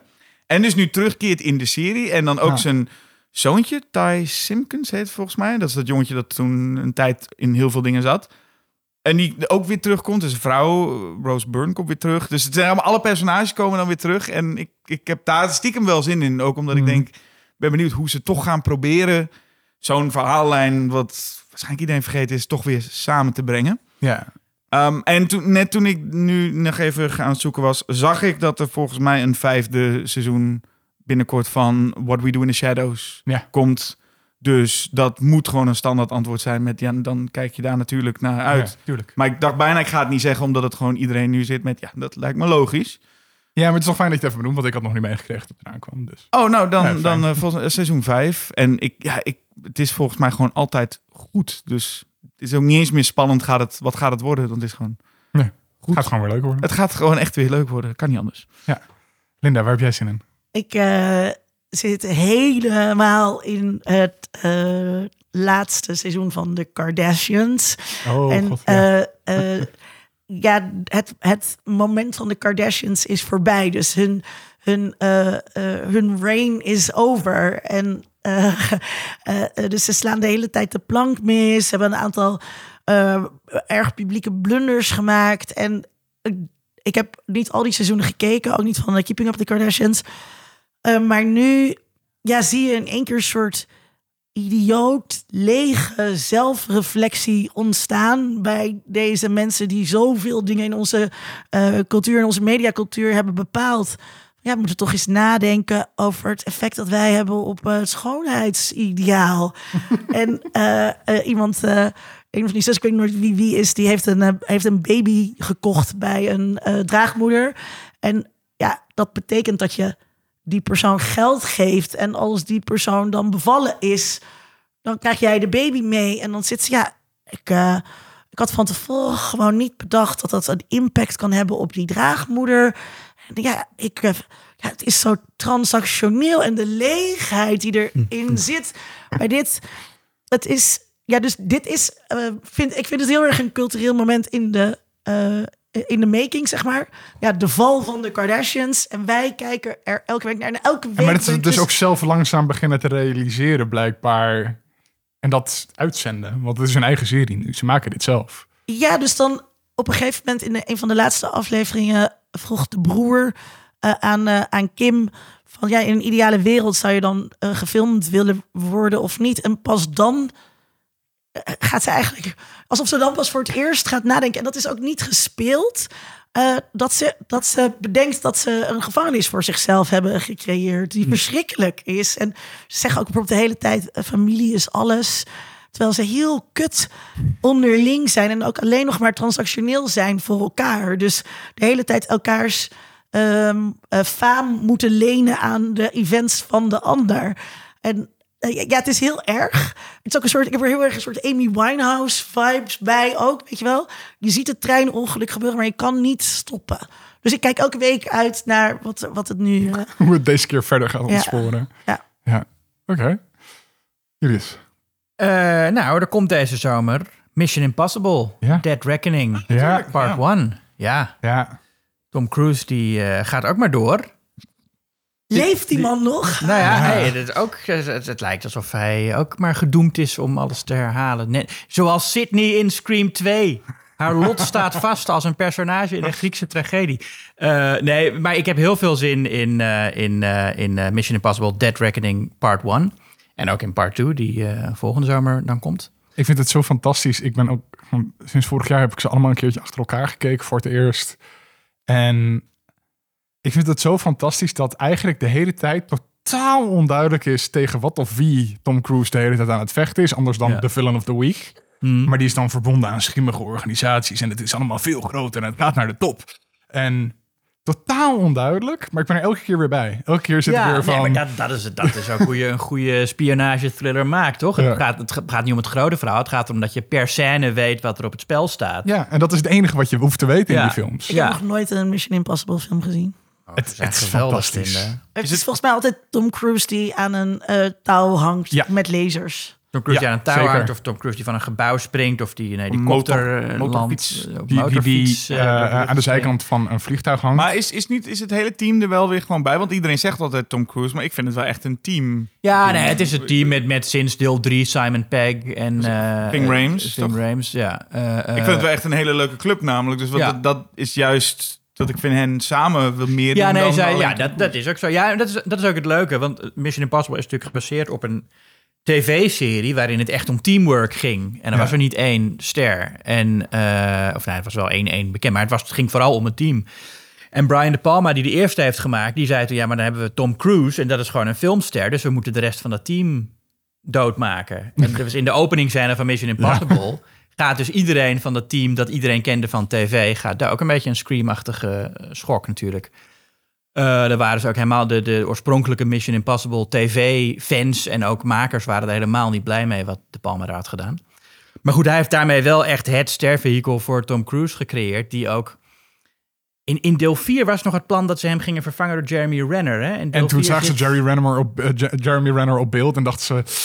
Ja, Oh, echt? Ja? Ja, nee, Jeremy Renner zit dan in deel 4. En toen was een beetje het idee van misschien kunnen we hierna dan het stokje overdragen. En dat Ja. Jeremy Renner de nieuwe held van de Mission Dat Impossible zou ook, dat hij zou ook ook wel de nieuwe. Jason Bourne worden inderdaad. Ja. Ja. dat, Terwijl, maar dat is ook- maar zo'n dan- charisma dan- vacuüm, die man. Ja, nou, dan zou er toch ook... Hij is best een goede acteur hoor, vind ik. Maar dan zou er natuurlijk niet nu een deel 7 komen als hij dat... Het is echt Tom Cruise die de ster is. En die ook als een van de weinige filmsterren... nog echt de auteur is van de films waar hij in zit. Hij, eh, eh, hij, hij kiest de regisseurs en hij bedenkt ook wat voor stunts erin komen... die hij allemaal wil doen. En dat Denkt doet- hij dat of zijn kerk? Nou, Ah. Het zou heel goed kunnen dat Scientology hem daar ook over... eh, Ga jij nou eens aan een vliegtuig hangen, Tom? Maar met deze regisseur Ja. moet je nu echt eens werken. En dat Ja. die regisseur dan ook bij Scientology zit. Of... Nee, die regisseur zit er dan niet bij Scientology, voor zover ik weet. Oh. Christopher McQuarrie is het weer, die ook de vorige twee heeft gedaan. Huh. Het was, het was e- eerst, eerder was het wel altijd één nieuwe per deel. En ook vaak Ja. wel een... Het gaf die films ook allemaal wel een ander gevoel. De eerste is natuurlijk Brian De Palma. John Woo en, John Woo is deel en 2. J.J. Abrams is deel 3. Brad Bird. Brad Bird is deel 4, die is ook geweldig. En daarna werd het, eh, werd het Dat is, Christopher. wel, dat is wel een beetje jammer. Dan krijg je een beetje dat Harry Potter gevoel. Waarbij Ja. je denkt, oeh, Ja. elke aflevering iemand nieuw. Tot er ineens blijft ze bij één iemand hangen. Dan zeggen ze, weet je, doe, doe de rest ook maar gewoon. Ja, Ja, nee, dat is... Ik vond het zo leuk als iedere Ja. keer een nieuwe, een nieuwe persoon het gaat doen. Maar Ja. Ja. want dan kon er iets als Prisoner of Azkaban ineens tussen zitten. Dat je echt denkt van, oh, maar dit is anders. En Ja, leuk. gewoon echt even een nieuwe kleur. En daarna is het iemand die zegt: nee, maak het maar gewoon af op, jou, op jouw Ja. toon. Maar Star Wars trauma hier. ja. Ja, maar goed, die J.J. Abrams, die heeft natuurlijk... eh, Ik nou meer dingen verneukt.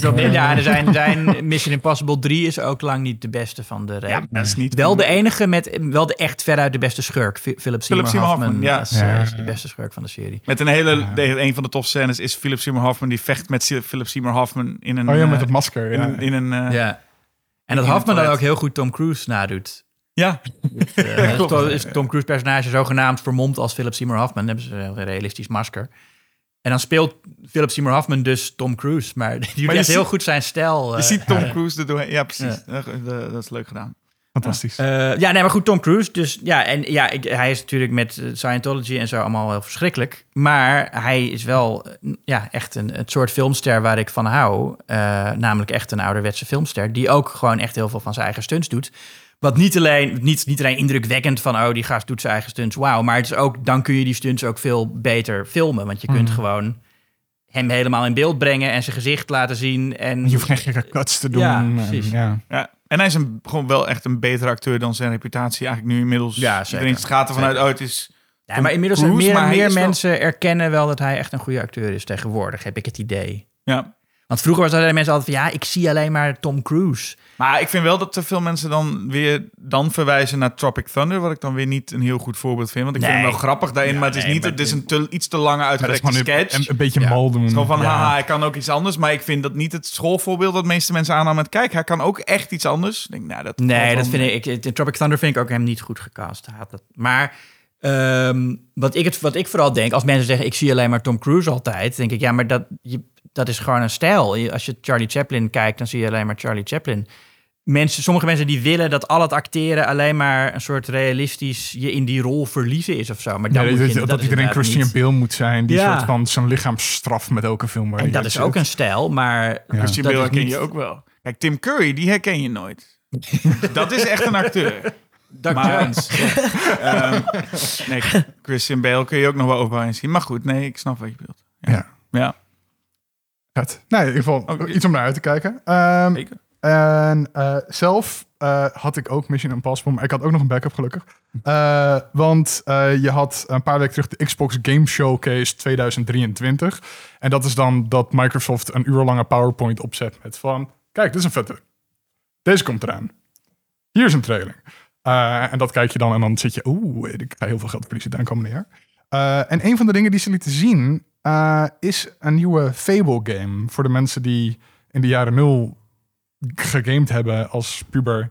Een hele bekende serie, denk ik. Een soort van comedy, fantasy, heel meta. ehm, heel leuk, heel grappig. Maar echt iets van die tijd. Maar die gaan ze nu terugbrengen. En het enige wat ze lieten zien is Richard Ayoada als reus... die achter de main character aan zit in een soort... eh Shaki in de bonenstaak-achtige setting. Ik weet niet wat ik hier verder van moet verwachten. Maar ik heb er wel zin in en ik ben gewoon heel benieuwd wat ze ervan gaan maken. En het is nog totaal onduidelijk wanneer die uitkomt, maar hij komt eraan. Ehm, ik mag, mag, ik nog, mag ik nog iets toevoegen? Dat mag. Eh, ik eh, heb heel veel zin om naar de nieuwe Spider- Spider-Man film te gaan. Ja, Eh, en misschien kunnen we daar eh, dan ook bonus content over maken, want dat lijkt me ook heel leuk. please, please, please, please. Ja, en we wil hier moeten ook, nog, we moeten ook nog Mario bonus content maken. Ja, ik heb zin in de bonus content die we deze zomer gaan maken. Ja, ja, ja, ja. ja. Er komt ook een nieuwe Fantastic Four. Wat?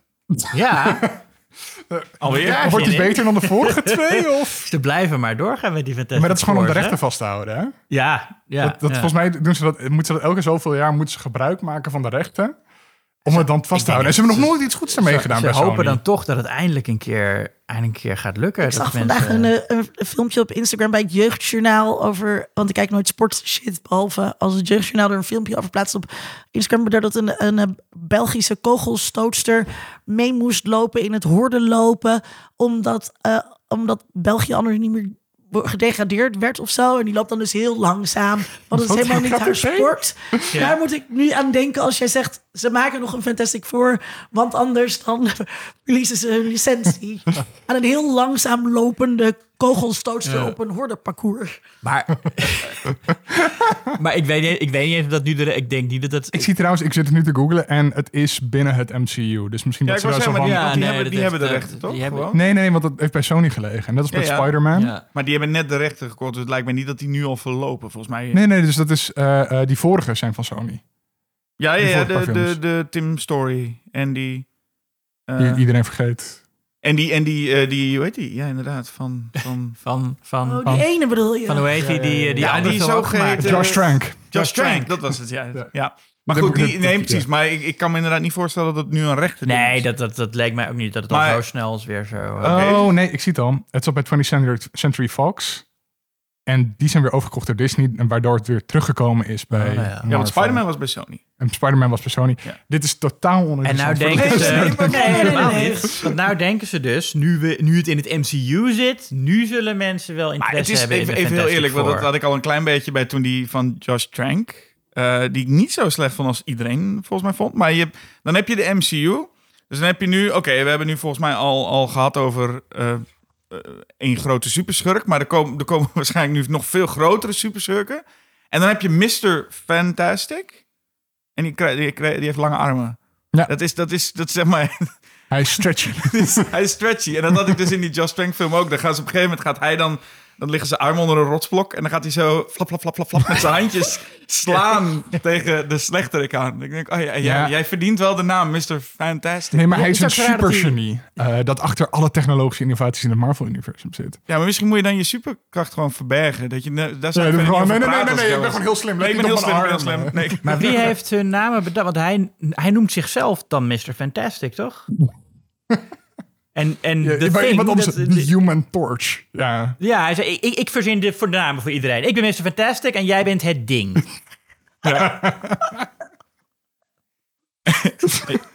En wij, wacht, we hebben al een torch, dus jij bent de human torch. Ja, ja, Ja, ja. oké. Fantastisch. Nou ja, goed. Maar leuk. Zin in.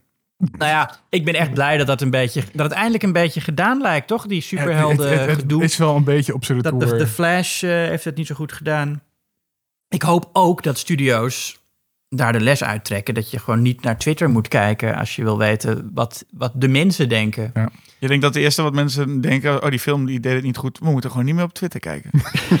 dat de les is die mensen... Ik hoop dat het een les is die Hollywood Nee, ik denk dat ze alleen maar zit van... Oeh, die Ezra Klein, daarmee hadden we niet in zee moeten gaan. eh, nee, Ja, dat kan ook. Dat is Ezra, Miller, ja, niet Ezra ja, ja. Klein. Een hele andere. Nee, maar omdat het, ik denk dat, kijk, eh, om, omdat, nou ja, de afgelopen eh, kerst had je natuurlijk de, de, het enorme succes van Avatar eh, Waterworld. En, en, eh en nou hebben we, heb je het floppen van, eh, het relatieve floppen van The Flash. En dat zijn toch, ja, over The Flash was behoorlijk wat buzz op Twitter. En over Avatar was, wij zeiden alleen maar mensen van, oh, maar het gaat weer geen culturele voetafdruk achterlaten. En ik De- hoop, James Cameron zit zijn geld te Ja. tellen van... Maakt me niet uit die voetafdruk. Nee, maar ik hoop dus. Ik, ik heb het idee dat studio's in het verleden eh, echt heel erg naar, naar sociale media keken. En als daar buzz is, dan gingen ze ervan uit dat het representatief zou zijn voor de samenleving. En ik hoop dat ze van dit soort ervaringen leren dat dat niet Dat ze altijd... alleen maar naar de eh, bank moeten kijken. Nou, maar er is natuurlijk wel. eh 2012 was wel echt een andere Twitter dan, dan die er nu is. Er zaten ook wel echt meer mensen eh, op Twitter. Ik, ik heb wel eens een stuk geschreven hoor. Dat, dat in Twitter 2012 meer? Eh, ja, eh, Ah, dat, ja. Dat, eh, ik heb wel eens een stuk geschreven, volgens mij rond die tijd, dat eh, eh, Twitter geen, eh, eh, geen peiling van het volk is. Ehm, maar ja, er was wel een moment dat daar dat het een betere afspiegeling was dan, eh, dan nu. Ja. Dus het is natuurlijk ook, die platformen zijn natuurlijk ook heel erg veranderd. ja. De bezoekers, of de mensen die daar content maken. Ik zag iemand op Twitter zeggen, die, die zei van... Ja, denk, denk je dat eh, de Flash zo geflopt is vanwege de, de gun takeover? Dat James Gunn het DC-universum Oh. heeft over. De meeste mensen hebben geen idee waar je het over hebt. Nee. weet je wel. Maar, maar die mensen op, die denken dus echt dat, dat Ja, iedereen dus- daarmee ja. bezig is. Dat dat de reden is dat films flops of hits worden. Maar dan zit ik dus zo erg In zo'n in, bubbel. in zo'n bubbel. Ja. En dat werkt als een soort...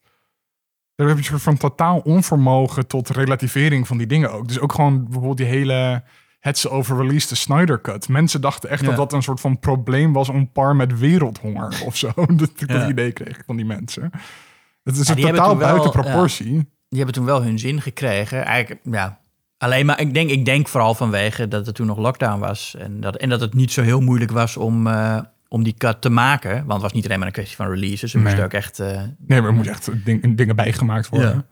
Maar eerlijk is eerlijk, die, die, die, die uit het niets conclusies zijn juist wel vaak heel grappig. Dat er een film flopt, zat een hagedis in en de studio's dan roepen... nou, we moeten gewoon geen hagedissen meer in films Ja, doen. ja, dit nee. is het, we hebben het. Dat is ook wel weer leuk, dat ze zo aan het zoeken zijn... dat je denkt, dit, ik weet niet of dit het is. Schrikbarend veel eh, eh, films en series worden gemaakt op basis van een soort van intuïtieve kenners van, eh, van regisseurs. eh, en helemaal niet op publieksonderzoek. Dat vind ik altijd Ja. van de meest schokkende dingen van mediastudies. Ja, met tegelijkertijd denk ik niet dat je met publieksonderzoek per se daaruit komt wat een goede film zou moeten zijn. Ik bedoel, het is ook iets creatiefs en origineels dat het publiek van tevoren niet had kunnen bedenken, kan interessant zijn. ja. Ik zag laatst in een soort video SO die En juist ook een die- einde ja. waarmee je niet tevreden bent. Ja, Ja, eh, maar dat, dat iemand die vergeleken het van een succesvolle films maken is soort van alsof je een speld vanaf een ruimtestation laat vallen en het moet aan, aan een roos raken op aarde. Het is gewoon zo onmogelijk om dat hele proces helemaal te doorlopen. En dan ook nog een goede film neerzetten die soort van en een culturele impact heeft en zijn geld terugverdient. En, En toch is iedereen dat blij met maakt. Scream 1 uitstekend gelukt. Ja, en dat verklaart ook meteen Scream 2. Omdat ze gewoon meteen zeiden binnen jaar... Oké, dit dit, dit was zo'n... We hebben nu een roos geraakt met deze naald. Nog een keer, meteen, nu. Ja, ja, ja. Gooi En dat zie je dan ook meteen. dan, nog lukt het, dan lukt het ook. Dat is gewoon. Ongelooflijk. Ja. En met nog meer, met diepgang ook, ja. Ja, fantastisch. Oké, goed. Dit was aflevering 121 van Kiki Dingen en aflevering wat, 60? Van Nee, ik heb ze net opgeteld. We Ja. hebben als je, je hebt Schokkend Nieuws podcast en je hebt Jullie versus Jasper. Tel je die bij elkaar op, dan kom je op 155 afleveringen. Oké, dan komen jullie wel op het hogere getal uit, ja. Dus de... Is wel waar. Maar dat komt vooral door onze eh, speedrun Ivonier afleveringen. Ik denk dat die ons naar een hoger niveau hebben getild. Dat telt gewoon mee. Content is content. Die tellen mee. Ja, Ivo telt mee. Alles stelt mee, ja. Absoluut. Dus heel erg bedankt dat jullie er waren. Superleuk, er deze tafel. was over. zeker. Thanks. Dank jullie wel. Jullie bedankt dat jullie er waren. Wij met Geeky Dingen gaan met de zomerstop. Ja. Eh, en dus we weten nog niet wat we na de zomer gaan doen. Maar hopelijk nog een keertje iets met jullie. Heel graag. Afzonderlijk of samen. Ja. En wij gaan ook gewoon door. En wij, Wij gaan gewoon weten, door. weten ook nog niet waarom, maar dat komt gewoon meer omdat we niet zo goed zijn in plannen. Wat wordt ook weer de volgende J versus J? Hier, daar ga je. Ga je al, ik weet. Ehm, Ja, ja. Slither. Slither en, eh, tegen Night of the Creeps. Ja, nee, dat klopt. Dat is, we, we hebben al iets in de, in de, in de pijplijn liggen. Klopt. Nou, iets om naar uit te kijken. Dat weet ik niet. Ik ga luisteren.